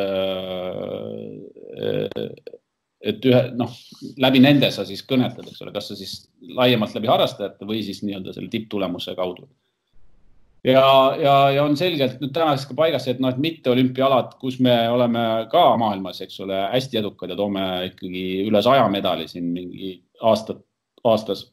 et siis need selgelt on äh, prioriteetsuselt äh, teisel kohal ja, ja sinna läheb umbes kümme protsenti siis kogu avaliku sektori toetustest, nii et aga, aga neid on palju alasid, eks ole, nii et äh, aga noh, ütleme, et kui me vaatame Euroopa üleselt kus see süsteem, spordisüsteem on ikkagi suhteliselt sarnane igal pool, et siis äh, ega me ei erine väga teistest riikidest. minul paar konkreetset küsimust veel äh, seoses selle laiema teemaga. kui nüüd vaba sina oled nendest kõikidest poliitilistest äh, juttudest, kas sina saad oma tööd teha ikkagi rahulikult ja, ja sa näed, et inimesed sinu ümber on kõik ühise asja nimel väljal või sa pead ikkagi laveerima seal väga palju ja, ja sõltuvalt sellest, kes parasjagu valitsuses midagi otsustab ja, ja mõtleb ka oma muudat-, oma asju palju muutma? no sport on üldiselt selline valdkond, kus sa ikkagi, äh, kus see noh, nii-öelda poliitilised tõmbetuuled ikkagi väga-väga kõvasti nagu ei puhu, et, äh, et Äh, meil on tegelikult ju katusstrateegia olemas, sport kakskümmend kolmkümmend on vastu võetud Riigikogu tasandil. Äh, seal on väga selged ja loogilised asjad kirjas, et, äh, et loomulikult on mingi igal poliitilisel parteil on omad kindlad suunad, kuhu ta, kuhu ta siis rohkem soovib tähelepanu panna ja see on täiesti normaalne Äh, ma arvan, et me oleme ikkagi väga vähe või suhteliselt vähe nagu mõjutatud sellest, et äh, alati on eesmärk teha ministriga head koostööd ja, ja, ja see on äh, seni olnud nagu väga hea ja mõlemapoolne, nii et mm, -hmm. et siin, siin äh,, siin on nagu hästi kõik väga labane küsimus veel minu poolt. kes tänasel päeval Eesti spordis kõige rohkem siis otsuseid teeb või kelle peale kõige suuremad otsused, kas see oled sina, on see kultuuriminister, kuidas see otsustusprotsess seal käib? no reeglina ikkagi öö, otsustusprotsessi lõpetab reeglina ikkagi minister või siis ka Riigikogu, eks ole, kui me räägime näiteks riigieelarvest on ju, et, et mm, -hmm. Et seal saabki olla, et kas on ministri tasemel määrus, Vabariigi Valitsuse tasemel määrus või on Riigikogu otsus, eks ole, et, et, et selles mõttes need otsused lõpuks on seal, et küsimus võib-olla, mis on oluline, see, et kui, kuidas need öö, otsuste projektid nagu kujundatakse, et öö, kui öö, palju on ikkagi sport ise seda sisendit sinna annab ja, ja kui palju seda arvestatakse. et, et no meie, meie ja, ja minu enda ka arvamus on selge, et, et meil peab olema EOK näol väga äh, tugev ja strateegiline partner, äh, kes siis selliste noh, nii-öelda, kes, kes samm-sammult nagu võtab järjest rohkem äh, nii-öelda kohustusi, aga ka vastutust ja teistpidi siis ka tema rahastus ajas nagu kogu aeg suureneb, noh eelkõige siis ka läbi selle Team Estonia, et see sisu noh, ütleme, mille baasil me siis seda sporti juhime, et see kõik koonduks sinna. Äh, sest et noh, riik oma noh, üldprintsiibis on tegelikult ju ainult ikkagi äh, tingimuste looja. et äh, kas läbi seaduste või läbi rahastuse valdavalt, eks ole, ja siis sa saad teha ka investeeringuid. ja, aga see, kes ja mis, millisel kujul sulle ja millise kvaliteediga see sisend sinuni jõuab, see on äärmiselt oluline, eks ja hästi suur osa spordist toimub kohaliku omavalitsuse tasandil näiteks, et noh, et mis linnad teevad ja mis, mis vallad teevad äh, ja kuidas nad asju teevad ja millel, mida, mida nemad siis äh, peavad oluliseks seal kohalikul tasandil, see mõjutab ka väga palju mm. -hmm. nii et, äh, et tegelikult riik saab minna võimestama sinna kohalikule tasandile mingisuguseid häid algatusi. aga noh, see, et me ei saa otsustada, et mida me kuskil linnas tegema hakkame, eks ole, et kui lihtsustada et me saame näiteks, kui on, äh, ma ei tea, Tallinn, Tartu või Hiiumaa tahab ehitada mingisuguse, mingi hea spordiobjekti, mis seal on vajalik, siis riik saab seda toetada, aga ta ei, ta, ta pigem siis, eks ole, ongi sellises toetavas ja tingimuste looja funktsioonis. ja sama on ka nende strateegiliste partneritega, et, äh, et EOK äh, on kindlasti see koht, kus, kus, mis peaks olema selline kompetentsikeskus, kes siis kogu Eesti spordi osas väga hästi äh, sellist äh, analüütilist poolt ja analüütilist tööd teeb sellistes strateegilistes küsimustes, on põhiline kaasarääkija kogu oma liikmeskonnaga, nii et iga, iga alaliit läbi, läbi selle kanali tegelikult jõuab ja noh, riik loomulikult, alaliidud on ka meil otsepartnerid nii-öelda, et kui on mingi, mingis kitsas lõigus vaja mingisuguseid otsuseid teha, siis see kaasamise protsess peab olema hea et noh, et see, et ametnikud hakkavad oma peaga midagi siin nüüd täiesti nullist välja mõtlema, et see ei ole nagu realistlik, et, et sa pead ikkagi arvestama seda, mis on vajalik, pead arvestama sellega, mis on võimalused ja siis leidma parima võimaliku lahenduse selleks, mis, kuidas edasi minna. Ja see vaade peab olema ikkagi üsna pikk, et noh, ütleme, et ühest noorest kasvab tippsportlane seal kümme, kümne aastaga keskmiselt, et, et et äh, samm-sammult siis vaadata, et millises faasis, millised tingimused tal on. Äh, ja, ja kas kuskil on mingi oluline tükk puudu, et see oli see põhjus tegelikult, miks me Team Estoniat ehitama hakkasime, sellepärast et, äh, et kui me mõtleme, et mis juhtub sportlastega peale Audentese gümnaasiumi lõpetamist, siis seal on, oligi nagu suur hall auk, et et järgmine kord, kui sa, kui sul mingi kindlus tekkis, oli siis, kui sa võitsid tiitlivõistlustelt medali onju aga mis ja. vahepeal juhtus, seda, see pidi olema kuidagi siis teistmoodi lahendatud mm. -hmm. et no sellist projektipõhisust tippspordis peaks olema võimalikult vähe ja, ja sellist süsteemsust võimalikult palju, et kui rääkisime siin ennem rannavõrkpalluritest ka, et, et tegelikult, kui on, kui on selged talendid, kes on näiteks juunioride või noorteklassis ikkagi näidanud, et nad on maailma tasemel, on konkurentsis ja seal on äh, noh, kuidas öelda, ikkagi on näha niisugust head tiimi ümber ja, ja, ja see potentsiaal on nagu, olümpiapotentsiaal on suur, et noh, siis tegelikult ei tohiks olla mingit küsimust, et see siis, siis on lihtsalt see, et, et millised sellised sammud nagu pannakse paika kolmeks-neljaks aastaks. ja, ja kuidas seda, seda jälgitakse ja millised mõõdikud sinna pannakse, et antakse nagu sellist töörahu on ju, see puudutab kõiki alasid, et on see, on see rannavõrkpall, ma ei tea, kettaheide või kolm korda kolm, kolm korvpall, et selles mõttes pole vahet Andres? ma just seda tahtsingi selle hall-alaga kohta nii-öelda, et ega see vist on rohkem nagu individuaalspordialadega vist suurem probleem, et tavaliselt need Audentesest noh, okei okay,, me saame öelda, et võrkpallureid ka seal iga aasta, ma ei tea, neli-viis tükki lõpetab või mis palju sul neil on, onju. aga noh, nendest ongi tõenäoliselt paar, paar-kolm jääb siis nagu ütleme, meistriliiga tasemel mängima, võib-olla keegi lõpetab ära ka, onju aga pigem vist nagu seal Audentese poole peal, kui ma seal olen olnud, siis, siis tegelikult probleem on olnud individuaalaladega vist põhiliselt onju. ja see jah, teatud aladele ta sobib paremini kui teistele, et ütleme mm., ilmselt on ka individuaalaladel on mingid alad, mis toimivad väga hästi, noh, ma arvan, Mati alad toimivad päris hästi mm.. kergejõustik on olnud kogu aeg ikkagi suhteliselt sihuke murelaps, et äh, ei ole leitud päris hästi seda fookust äh,, mis, millega seal edasi minna äh,. ega pallimängudes on ka erinevaid näiteid. ma, ma julgen väita, et äh, võrkpall on päris hästi selle potentsiaali ära kasutanud. et äh, seal oli, seal olid selged kokkulepped, selge strateegia, et see on koondiste taimelava ja lepiti kokku, kuidas siis äh, need, nende klubidega käitutakse, kes oma noormängijad sinna annavad ja noh, sealt tuli, tuleb ka see, et mõnel mängijal see mängukoormus läheb väga suureks, sest ta peab oma koduklubi ka esindama samal ajal, eks ole, aga, aga, aga need asjad said kokku lepitud, et äh, noh, näiteks ju, ju korvpallis need asjad nii hästi ei toiminud, et äh, päris pikka aega, et, et, et siis nad jälle hakkasid äh, päris tõsiselt selle asja peale vaatama. et ja, ja põhjust on, sest et see on ikkagi unikaalne ja väga, väga suur ressurss mida sa ei saa jätta kasutamata. aga tuleme nüüd siis tänasesse päeva sõna otseses mõttes. meil on siis äh, nii palju täna teada, et valitsuse kolme miljoni euro suurusest lisarahasüstist saavad sportmängud, alaliidud ja meistriliiga klubid üks koma kaks miljonit. kas Tarvi, see summa on nüüd ikkagi kinnitatud ja, ja see on täna juba ametlik? päris selles mõttes lõpuni ei ole jah, see, see kui me räägime sellest, et jah, spordile on tänaseks on äh, kriisist väljatuleku aitamiseks on äh, kokku kolm koma neli miljonit äh,. ja esialgse plaani juurde siis kaks miljonit on tõesti spordialaliitule suunatud, millest orienteeruvalt üks koma kaks siis sportmängude liigade suunal. ja see on see võib-olla, mida, mida Andres küsis, et et, äh, et see hall auk peale, peale Audentest on rohkem individuaalalade teema, et äh, jah, ühtepidi see on õige. teistpidi täna me näeme, et, et, et, et, et võistkondlikel aladel taandub see väga suures osas äh, erasektori toetustele. et noh, liiga on ikkagi valdavas osas erasektori toel toimiv asi.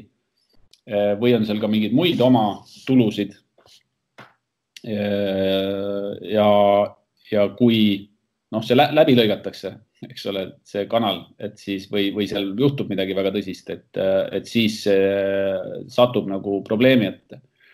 ja noh, mina enda peas olen noh, ikkagi proovin näha seda tervikut, eks ole, et, et kui me, kui meie kohalikes omavalitsuses toimetavates äh, klubides pööratakse võistkondlikele aladele väga palju tähelepanu ikkagi äh, noh, see maht on päris suur. Äh, äh, kui me Audenteses kasvatame reaalselt, eks ole, koondist materjali või noh, nii-öelda heas mõttes on ju, panustame sinna päris hulga avaliku ressursi raha nii kohalikul tasemel kui riigi tasandil, siis ei saa lihtsalt öelda, et kõik sealt edasi on nüüd nagu kellegi teise asi. et, et, et kui seal tekib mingi probleem, et siis tuleb proovida see süsteem toimimas hoida. ja ega muidu neid äh, koondise tulemusi ei tule ükskõik mis alal, et, äh, et erasektor teeb seal, äh, on teinud aastakümneid väga nii-öelda tugevat tööd, pannud sporti raha. ja neil on ka oma väljund seal olemas ja oma huvi, see on ka hea aga, aga see on see koht, kus siis need noormängijad, kes Audentest lähevad, nemad saavad oma, oma nii-öelda siis väljundi et sa oled kuskil klubis, kes äh, tegutseb sinuga, kes, kus, kes sulle annab varustuse, kus sa saad treenida ja nii edasi. et see klubisüsteem sellisel kujul jah, tõesti individuaalaladel on nagu teistsugune Mhm. no pluss on ju minu arust ka päris äh, suur vahe võrkpallis isegi poistel ja tüdrukutel, et kui meil poisid lõpetavad gümnaasiumi, siis neil on Eestis vähemalt olemas erinevad klubid, kes ka ikkagi andekatele mängijatele suudavad mingit palka maksta, aga tüdrukud äh, meil täna naisteliigas ühtegi sellist klubi ei ole, kes palka maksaks, see tähendab, et tüdrukud, kes peavad olema juba nii andekad, et lähevad sealt otse gümnaasiumist edasi välismaale mängima, mis on väga vähetõenäoline või siis äh, jätkavad äh, võrkpallurist pürgimist kuidagi äh, siis kooli või, või töö kõrvalt, et, et need on ka üsna erinevad vist. eks seal on seda USA ülikooli formaati ka proovitud kasutada, aga aga ma ei suuda praegu peale kullerkannude kedagi teist meenutada, kes oleks ka sealt tagasi tulnud ja mängima jäänud et võib-olla, võib-olla ma teen liiga kellelegi, et, et äh, aga, aga neid on vähe, ühesõnaga mõte selles, et mm, -hmm. et see, see liiga hästi ei toimi, see formaat, aga, aga ma ütleks, et kui,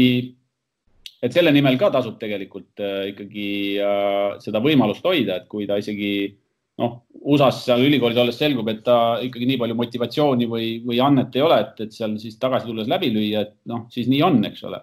aga, aga seda protsent, protsenti, kes kuhu Audentesest jõuab, seda kogu aeg jälgitakse, et seda, seda monitooritakse ja, ja sellel hoitakse nagu silma peal ja sealt on tulnud ka need muutused. et need kohtade arvud ei ole enam nii kitsalt ühegi alaga seotud ja seal nagu muutusi äh, ellu kutsutakse. Mm -hmm.. okei. Okay nii, ma küsiks sult edasi veel konkreetselt selle praeguse seisu kohta, siis äh, Hanno Pevkur siin minule ühes intervjuus ütles, et äh, riigi, riiklikult siis üks koma kaks miljonit, et sellest hakatakse kompenseerima ainult töötasusid, mis on nüüd äh, jäänud tulemata klubidele. kas või jäänud siis, no ühesõnaga see töötasudes on see küsimus. kas vaadates siin, mida on kultuuriminister Tõnis Lukas öelnud, et temal tundub sõnavõtu järgi, et see ei pruugi olla ainult töötasude kompenseerimine. kas sina oskad nüüd Tarvi siin mingi selguse tuua majja? ja, ja ma võin nii palju seida, et tegelikult me räägime eh, noh, nagu klubi, klubi poolt äh, täna vältimatut äh, kulude kompenseerimist, mis on siis kriisist äh, tulenevad. ehk siis see ei pruugi olla ainult tööjõukulu, kuigi noh, me kõik saame aru, et seal see kõige suurem osa ilmselt on tööjõukulu aga seal võivad olla ka täiesti teistsugused kululiigid, et selles mõttes see ei ole Äh, ei ole sellisena nagu lukku kirjutatud, et äh, kõik vältimatud kulud, mis neil on äh, otseselt siis selle meistriliigaga ikkagi seotud, et need on, need on sees. mida me, mida me, mida, mis jäi nii-öelda täiesti teiseks sektoriks, on siis spordirajatistega, et kui on kellelgi on erabaas, et siis see on nagu teise meetme alt või teiste üldmeetmete alt lahendatav asi, et seda, selle me nagu võtame sealt paketist välja. Andres selline asi läks ka siis sinna alla nagu saamata jäänud piletitulud või mingi sihuke asi? no selles mõttes, et otseselt mitte, aga lihtsalt, et äh, kui me räägime vältimatutest kuludest, siis äh, kui sa oled teinud juba, äh, ütleme, et kui sul on nõuded üleval ja, ja seda piletitulu ei tulnud, siis sul tekivadki vältimatud kulud, onju, et nad on seotud selgelt otseselt, eks ole, et, et see ongi see tulude ja kulude vahest tekivadki sul need vältimatud kulud.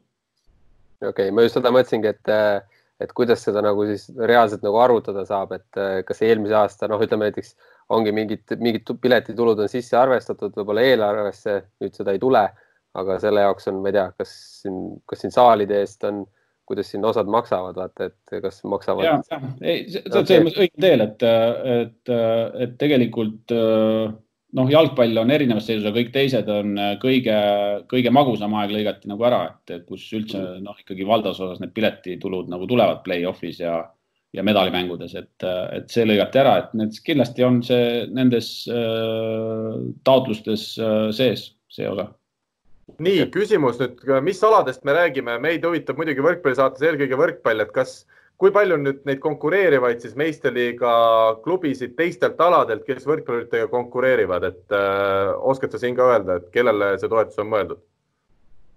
Äh, kõik võistkonnaalade meistriliigad. ja me räägime siin saalijokidest ja, ja saali jalgpallidest ja kõik sellised alad ka äh, kusjuures saali, saali jalgpall ei ole isegi praegu läbi käinud kuskilt maalt, et jalgpalliliit ei ole ka seda kuidagi esile tõstnud, et tema räägib rohkem ikkagi meistriliiga klubidest, kes, kellel, kellel väljund ära kadus, et, et ma ei tea isegi, millal saali jalgpall alustab või lõpetab, et selles mõttes peast. et aga potentsiaalis jah, kõigile lihtsalt, et üks alaliit koondab kogu info ise kokku, et, et oma, oma klubid ja noh, ütleme äh, hoki ja saalihoki on kindlasti väiksemad lihtsalt mahtu, mahu, mahuliselt, et, et see eelinfo on meil olemas, et noh, ma võin tuua näiteks numbrid, mida ma olen välja ka öelnud, et, et, et nelja suurema liiga erasektori tulud kokku aastas on üle kuue miljoni euro. et, et see ei ole, see ei ole väike number. Rivo Äh, ma küsin äh, sama küsimuse põhimõtteliselt, aga siis äh, näiteks Mardi ja Kusti koha pealt. Kas neil on mingit toetust võimalik saada või mitte? Neil on samamoodi, noh, auhinnarahad jäävad saamata, turniirid jäävad ära, nii edasi, nii edasi, nii edasi. kas see on äh, siis puhtalt nende, nende mure või, või on neil ka mingisugune variant? vaata, siin me me rääkisime sellest, et äh, sellest kahest miljonist üks koma kaks on justkui arvestuslikult need liigad ja see null koma kaheksa tegelikult on kõik ülejäänud alaliitud, sealhulgas ka võistkondlikud alad. et seal on kõik muud mured on nagu selles, selles sektoris. et jah, põhimõtteliselt, kui Võrkpalliliit võtab selle info kokku, ütleb, et kriisist tulenevalt äh, on need mured ja need mured, et siis äh, on võimalik see sinna liigitada.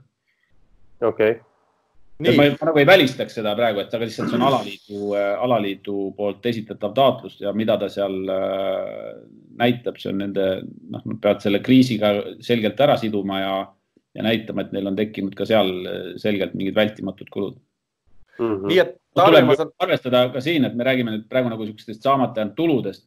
et, et, et kindlasti on ka ära jäänud kulusid et noh, mingid asjad on ju, mängud on korraldamata ja kuskil on reisimata ja, ja neid asju on ka, eks ole, et, et seal ongi, et see vahe tuleb sellest nüüd, et mis ära jäi ja, ja, ja mis on jätkuvalt üleval mm. -hmm. kas sina oled, Tarvi, saanud nüüd Võrkpalliliidult näiteks selle info, et palju siis on äh, neid saamata jäänud äh, tulusid või, või mis see kahjum on nii-öelda, mida, mida siis klubid vajaksid, et siin ellu jääda ja, ja edasi tegutseda, kas see, kas see number Võrkpalliliidu poolt on teieni jõudnud või?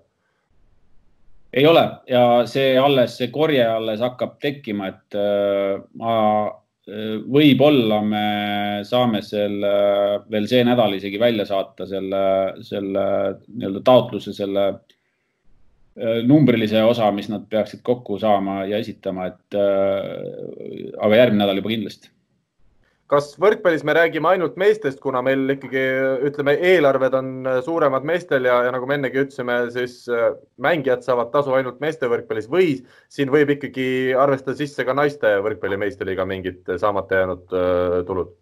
ei, loomulikult sellist vahet äh, teha ei saa, et uh, nii mehed kui naised meistriliiga tase on kindlasti sees mm. -hmm. kas sa oskad orienteeruvalt öelda, mis see võrkpalli siis selline toetus võiks olla, mis riigi poolt võiks tulla või no orienteeruvalt mingi, mingi numbri, mis see praeguste hinnangute järgi ei? ei ole võimalik üldse öelda, sest et see sõltub äh, ikkagi äh, äh,, et tõmbame, tõmbame info kõigepealt kokku ja, ja siis tuleb hakata vaatama, et mis, mis, mis võimalused on. selge siin on klubid, Eesti klubid, äh, meistriliiga klubid siis meeste pool rääkinud, et paarkümmend tuhat orienteeruvalt on siis, kui need äh, kulud ja, ja tulud kokku arvestada, on see summa, mis, mis on jäänud nii-öelda õhku rippuma, et kas sa ütled, et see on selline potentsiaalne raha, mis võibki klubideni jõuda või on selge, et nad ikkagi lõpuks jäävad väga-väga kõvasti kahjumisse kõik? no kui keskmise järgi arvutada, siis see võiks olla realistlik Mm -hmm. et siin on mingisugune kolmkümmend pluss klubi ja, ja, ja rahamaht on üks koma kaks miljonit, aga noh, selge on see, et äh, on, on äh, mingitel aladel on see suurem, see number ja teistel aladel on see number väiksem, et ja see on klubi, ala sees ka klubide äh,, klubide lõikes erinev. okei okay,, selge äh,.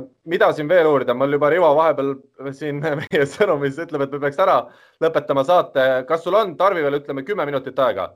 no kümnega saab hakkama, jah kümnega saab hakkama väga hästi. kui Rivo, sa pead minema, siis mine, aga kui, kui saad, siis kümme minutit veel jätkame. Rivo, Rivo peab kahjuks minema, et äh, ma ütlen head aega kõigile ja aitäh, Tarvi. tore oli sinuga vestelda ja, ja kohtume järgmine nädal. hästi, ole tubli, Rivo. tšau. nii kui me nüüd jätkame siin siis äh, veel paari minutiga, kuna tõesti Eesti võrkpalliklubisid väga see huvitab, millal see otsus võib siis saabuda ja millal need rahad võivad klubideni jõuda, kas sa seda oskad täna prognoosida? no me oleme siin kriisi ajal on eesmärk, et need, et seda, et seda bürokraatia mahtu vähendada, et, et liikuda asjadega kiiremini, et kui hästi see õnnestub või ei õnnestu, see, see nagu ei ole enam meie kätes ka nii väga mm. -hmm. meie need materjalid ja kõik asjad äh, saame ette valmistada, edasi anda. kui kõik klubid selle kiiresti esitavad. Äh, me oleme öelnud niimoodi, et äh, kõige varem mai keskelt ja, ja, ja noh tahaks, tahaks loota, et, et need, need maikuu sees igal juhul nagu rakenduvad. kui nüüd ja Andres.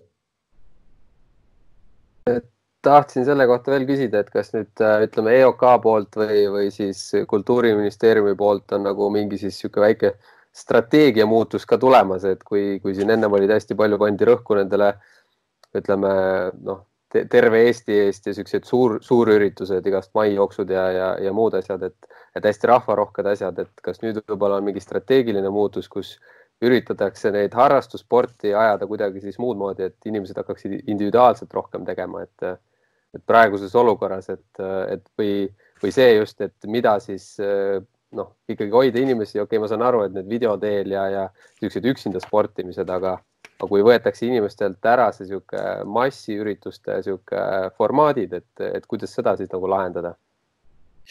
no ma ütleks niimoodi, et korraldajad on leidlikud olnud, et, et kõik need virtuaaljooksud ja rattasõidud ja kõik, mis siin on välja mõeldud lühikese ajaga, et, et tegelikult see annab inimestele mingisuguse mõtte selleks täiendava mõtte selleks liigutamiseks ja motivatsiooni, et, et, et need on nagu head algatused. ma ise arvan, et et, äh, et, et ju me selle kriisi ikkagi seljatame üks päev, et ja, ja mis on meie eesmärk, on see, et kõik need massiüritused, mis äh, need korraldajad, kes neid suuri massiüritusi korraldavad, et nad täna oleks hoitud, et, äh, et nad ei laguneks laiali, et need inimesed jätkaksid seda, mida nad hästi oskavad.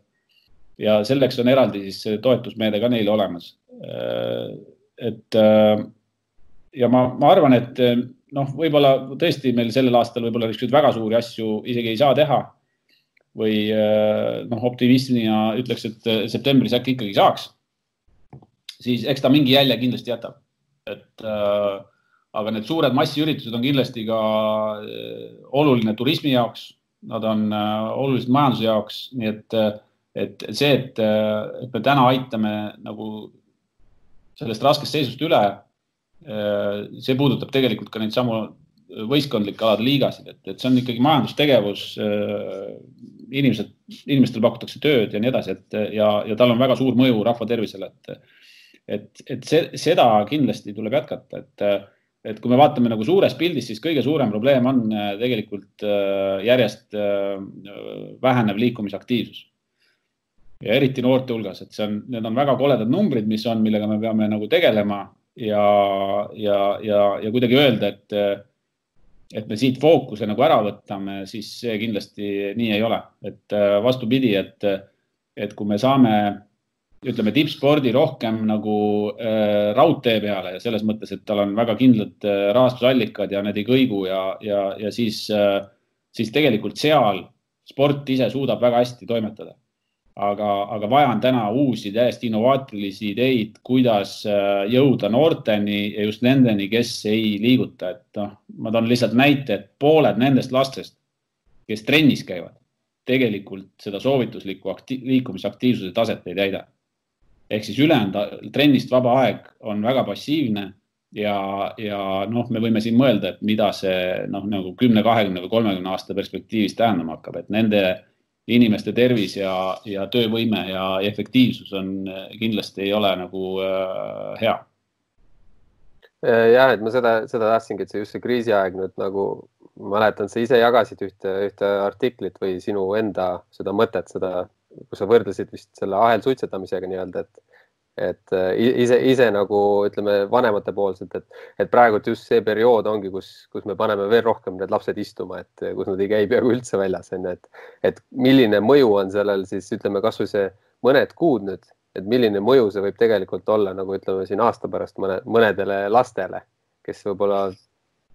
ja see, need on... muresid on siin rohkem, aga, aga et, et ma, ma ütleks võib-olla niipidi, et, et kui me kui me vaatame rahvusvahelist äh, sellist äh, kommunikatsiooni või riikide äh, selliseid noh, kuidas nad oma meetmeid üles ehitavad, siis liikumine on, ma ütleks top viie hulgas päris kindlasti kohe. Et see võimalus inimestel liikuda, kas siis individuaalselt trenni teha, joosta, käia jalutamas äh, et see liikumisaktiivsuse teema täna tegelikult on läbi kriisi minu arvates jõudnud nagu täiesti äh, noh, teise fookuseni. ja, ja kui me paneme siia juurde, et Eestis on nüüd täna, eile tehti siis, eks ole, vabandust, üleeile tehti siis äh, õhtul Vabariigi Valitsuse poolt otsus, et alates teisest maist on äh, organiseeritud liikumis äh, treeningud ja, ja, ja laste ja, ja täiskasvanute treeningud, juhendatud treeningud lubatud äh, kuni kümneses grupis välistingimustes. noh, siis tegelikult see näitab ka seda prioriteetsust, et kui oluliseks seda pead, peetakse.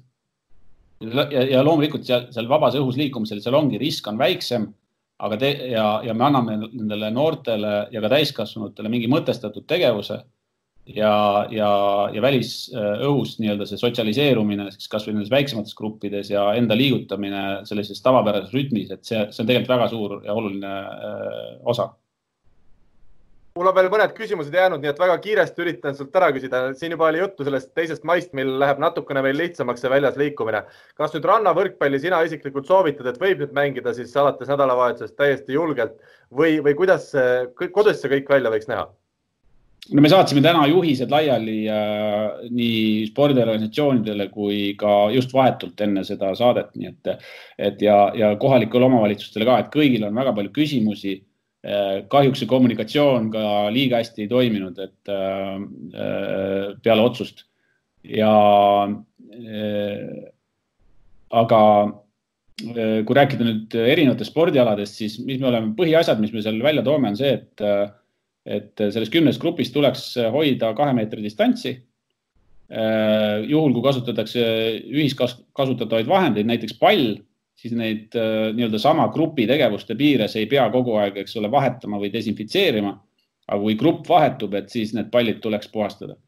Äh, ja kui trennid ja, ja tegevused on võimalik selliselt ellu viia, siis, siis täiesti edukalt on võimalik rannavõrkpalli ka mängida mm. -hmm. jah, päris selliseid mängusituatsioone võib-olla äh, tasuks äh, vältida, vähemalt alguses, et, et aga, aga selliseid selgelt mängulisi trenne ja neid üles ehitada on väga-väga lihtsalt võimalik teha, nii et ja kõikidel sportmängualadel selge, nii kiirelt veel paar asja, kui see nüüd need taotlused tulevad, jõuavad sinna kultuuriministeeriumi ministeeriumini ja selgub, palju saab võrkpall endale lõpuks raha, siis äh, kes teeb nüüd selle otsuse, kui palju saab Tartu Bigbank, palju saab Saaremaa võrkpalliklubi, Tallinna Selver ja nii edasi. kas selle otsuse teete juba teie ära nende taotluste põhjal või seda hakkab kõik tegema hiljem juba Võrkpalliliit, siis kui see raha, raha on teada, milline see on ja, ja see on kätte jõudnud? Ja see vastutus jääb Võrkpalliliidule, et äh, meie teeme otsuse, kui palju mingi alaliit äh, sellest, millise osa toetustena saab ja, ja sealt edasi peab alaliit ise need otsused tegema. kuna näiteks Aavo Keelega sai siin räägitud, temal oli selline selge idee, et kõik meistri ja klubid peaksid saama täpselt sama summa, kuna erineval moel on siis kaetud kaetud neid puudujääke, mis on jäänud siin saamata. kuidas sinu isiklik arvamus on, kas ikkagi peaks vaatama iga klubi eraldi, olenevalt sellest, millised on need saamata jäänud tulud, millised olid need palgad mängijatel ja nii edasi või tundub ka sinule mõistlik, et hoopis jagada kõik võrdselt, et siis ei, ei ole nii palju võib-olla kaklemist? see on seesama alaliidu otsus, et see võib alade, alade lõikes olla väga erinev, see lähenemine ja, ja, ja siin ei saa sellist ühest äh, Äh, arvamust olla, et, et nii on õige või nii on vale, et äh, võib olla liigasid, kus alaliidul on äh, suuremad kulud näiteks tsentraalselt, võib olla see, et kus alaliidul ei ole üldse mingisuguseid kulusid, et noh, et siin, siin see, see, siin me isegi ei hakanud nagu väga tõsiselt mõtlema selle peale, et me tahame ise hakata nagu sellel tasandil otsuseid tegema, et siin on, see on, see on ka natukene selline strateegiline valik alal ja see on, see on nii-öelda see Äh, spordiala juhtimine, et, et see, seda, seda ülesannet riik kindlasti ei võta. selge, nüüd üks asi veel, mida siin klubidega rääkides sai arutada, kuna see stipendiumide süsteem on meil aastaid olnud ja see jutt sellest on käinud, kuidas, mil moel ja nii edasi, siis äh, praegu meil märtsikuus, kui ma õigesti sain aru, ikkagi see seadus väga selgelt jõustus, et stipendiume noh, ei saa enam nii maksta nagu praegusel või siiani sai nii lihtsalt, et äh, kuidas nüüd on, kas selline variant, et näiteks teha vahehooaeg ja ikkagi neid stipendiumeid edasi lubada maksta siis mängijatele ka järgmisel hooajal, kas selline asi võiks tulla kõne alla, arvestades praegust raskest olu, rasket olukorda või jääb kõik nii, nagu on ja see on selge juba? ma tean, et see on väga mitme tahuga teema ja seda on raske siin ühe minutiga kokku võtta. tähendab, e-, esi, esim-, vastus esimesele küsimusele või esimene vastus oleks üldse see, et, et tegelikult neid stipendiumeid sellisel kujul, nagu mõned klubid tänaseni maksid, tegelikult teha ei tohtinud. selle kohta on kohtulahend et äh, see, see on, see on nagu täiesti ebaadekvaatne võrdlus, et sellist ei saa tuua, sest et, äh, et see ei olnud lubatud, et äh, see tõlgendati töösuhteks ja võib-olla teatud juhtudel ta ainult ei olnud töösuhe. aga, ja kui meil on kohtulahend, siis meil on kohtulahend, et siin pole mõtet rohkem vaielda. ükskõik, kas me näeme, et see on hea või halb, eks ole, et ja see seadus on jõustunud, see kehtib ja, ja, ja kui nüüd, äh, kui nüüd ei teki äh, noh, ma isegi ei taha öelda, et ma seda ei saa selles mõttes vaielda, aga see eeldab seadusemuudatust. Äh, selline käik ja, ja., ja täna ei ole ühtegi, vähemalt minuni ei ole ühtegi sellist ettepanekut ka ametlikult laekunud või, või isegi mitteametlikult ei ole laekunud, et võiks mingisugust leevendust teha. Aga ma ise näen, et see pigem on nagu tagasiminek, et, et siin võib rääkida äh, noh, et, et, et küsimus on nendes, et kas me tuleme tagasi selle juurde, et kas need piirmäärad said nagu õiged. aga et, äh, et minna nüüd täiesti tagasi selle stipendiumisüsteemi juurde, kus olid ikkagi väga selgelt omad puudused. Äh, on see siis ravikindlustus või midagi muud, et siis, et need küsimused sellega saavad ikkagi lahendatud ja nagu ma saan aru, ma lihtsalt ütlen kuulajatele, kes ilmselgelt ei ole Eesti seadusandlusega väga kindlasti ei peagi olema kursis, et ikkagi see ei tähenda nüüd seda, et meil kõik mängijad peavad äh, kõiki makse hakkama väga palju maksma, vaid ongi siis tekkimas mingi eraldi või tekitatud eraldi siis sportlase toetus. kas ma olen õigesti aru saanud, Tarvi, et, äh, et, et selline on see praegune siis vahepealne lahendus, mis on välja mõeldud? Äh, jah, ütleme siis niimoodi, et äh, kui seni, senise siis stipendiumi äh, regulatsioonile määrati piirmäär, nii et, et ühe miinimumpalga ulatuses aastas võid stipendiumi maksta lihtsustatud korras või samadel tingimustel, nagu see seni oli. ja see on siis umbes seitse tuhat eurot aastas mm. -hmm. ja kui on nüüd siis vajadus või soov või, või nii-öelda tasustada seda sportlast rohkem, siis tuleb sõlmida sportlasega tööleping vähemalt äh, töötasu miinimummäära ulatuses mm. -hmm. maksta sellelt maksud ja sellega koos kaasneb siis õigus maksta toetust äh, kahekordse töötasu alammäära ulatuses ehk siis see on neliteist tuhat ja kui need kõik nagu kokku panna, siis äh, siis äh, ja arvestada nüüd see maksuosa ja see kätte nii-öelda siis äh, kogusumma, siis äh, tegelikult see maksustamise protsent on väga väike. et mm -hmm. ikkagi üsna väike, et, et siin kõik klubid ise saavad oma kalkulatsioone teha. aga tagatud on sul, eks ole, ravikindlustus ja, ja muud hüved, eks ole, mis sellega kaasneb.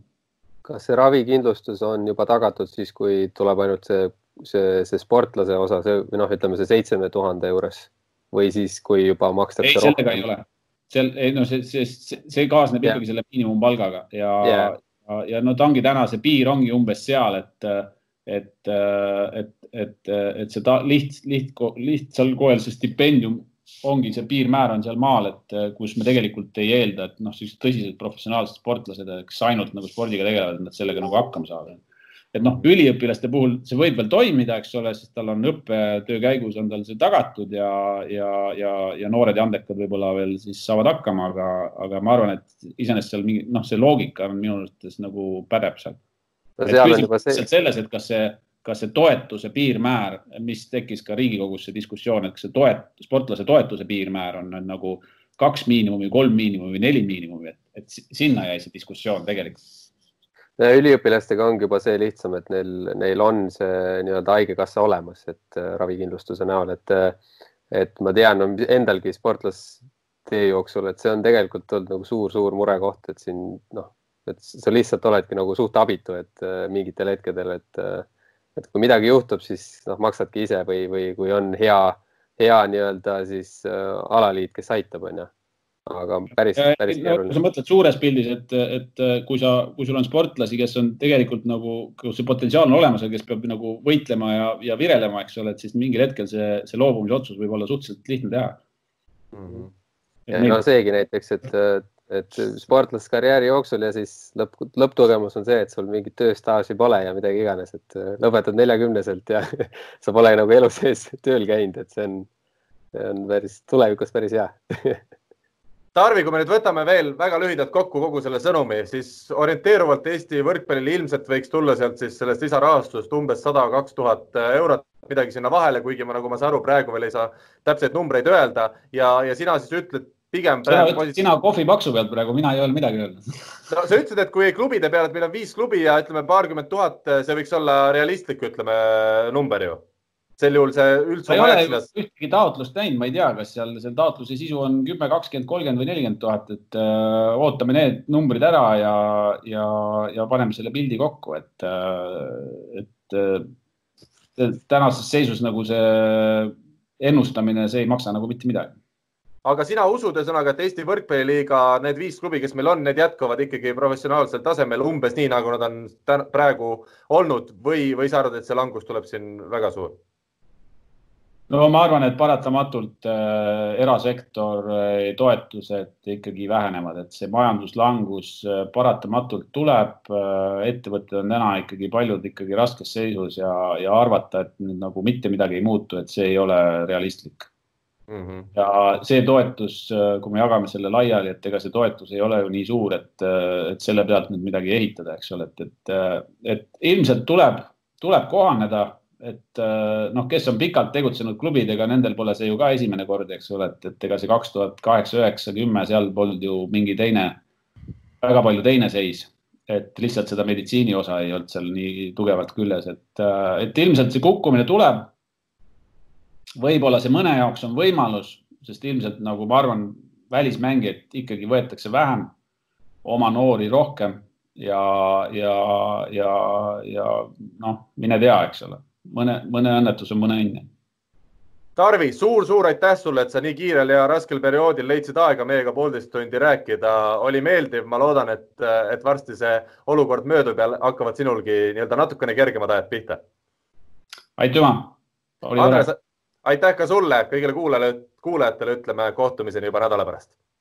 aitäh, tšau. tšau.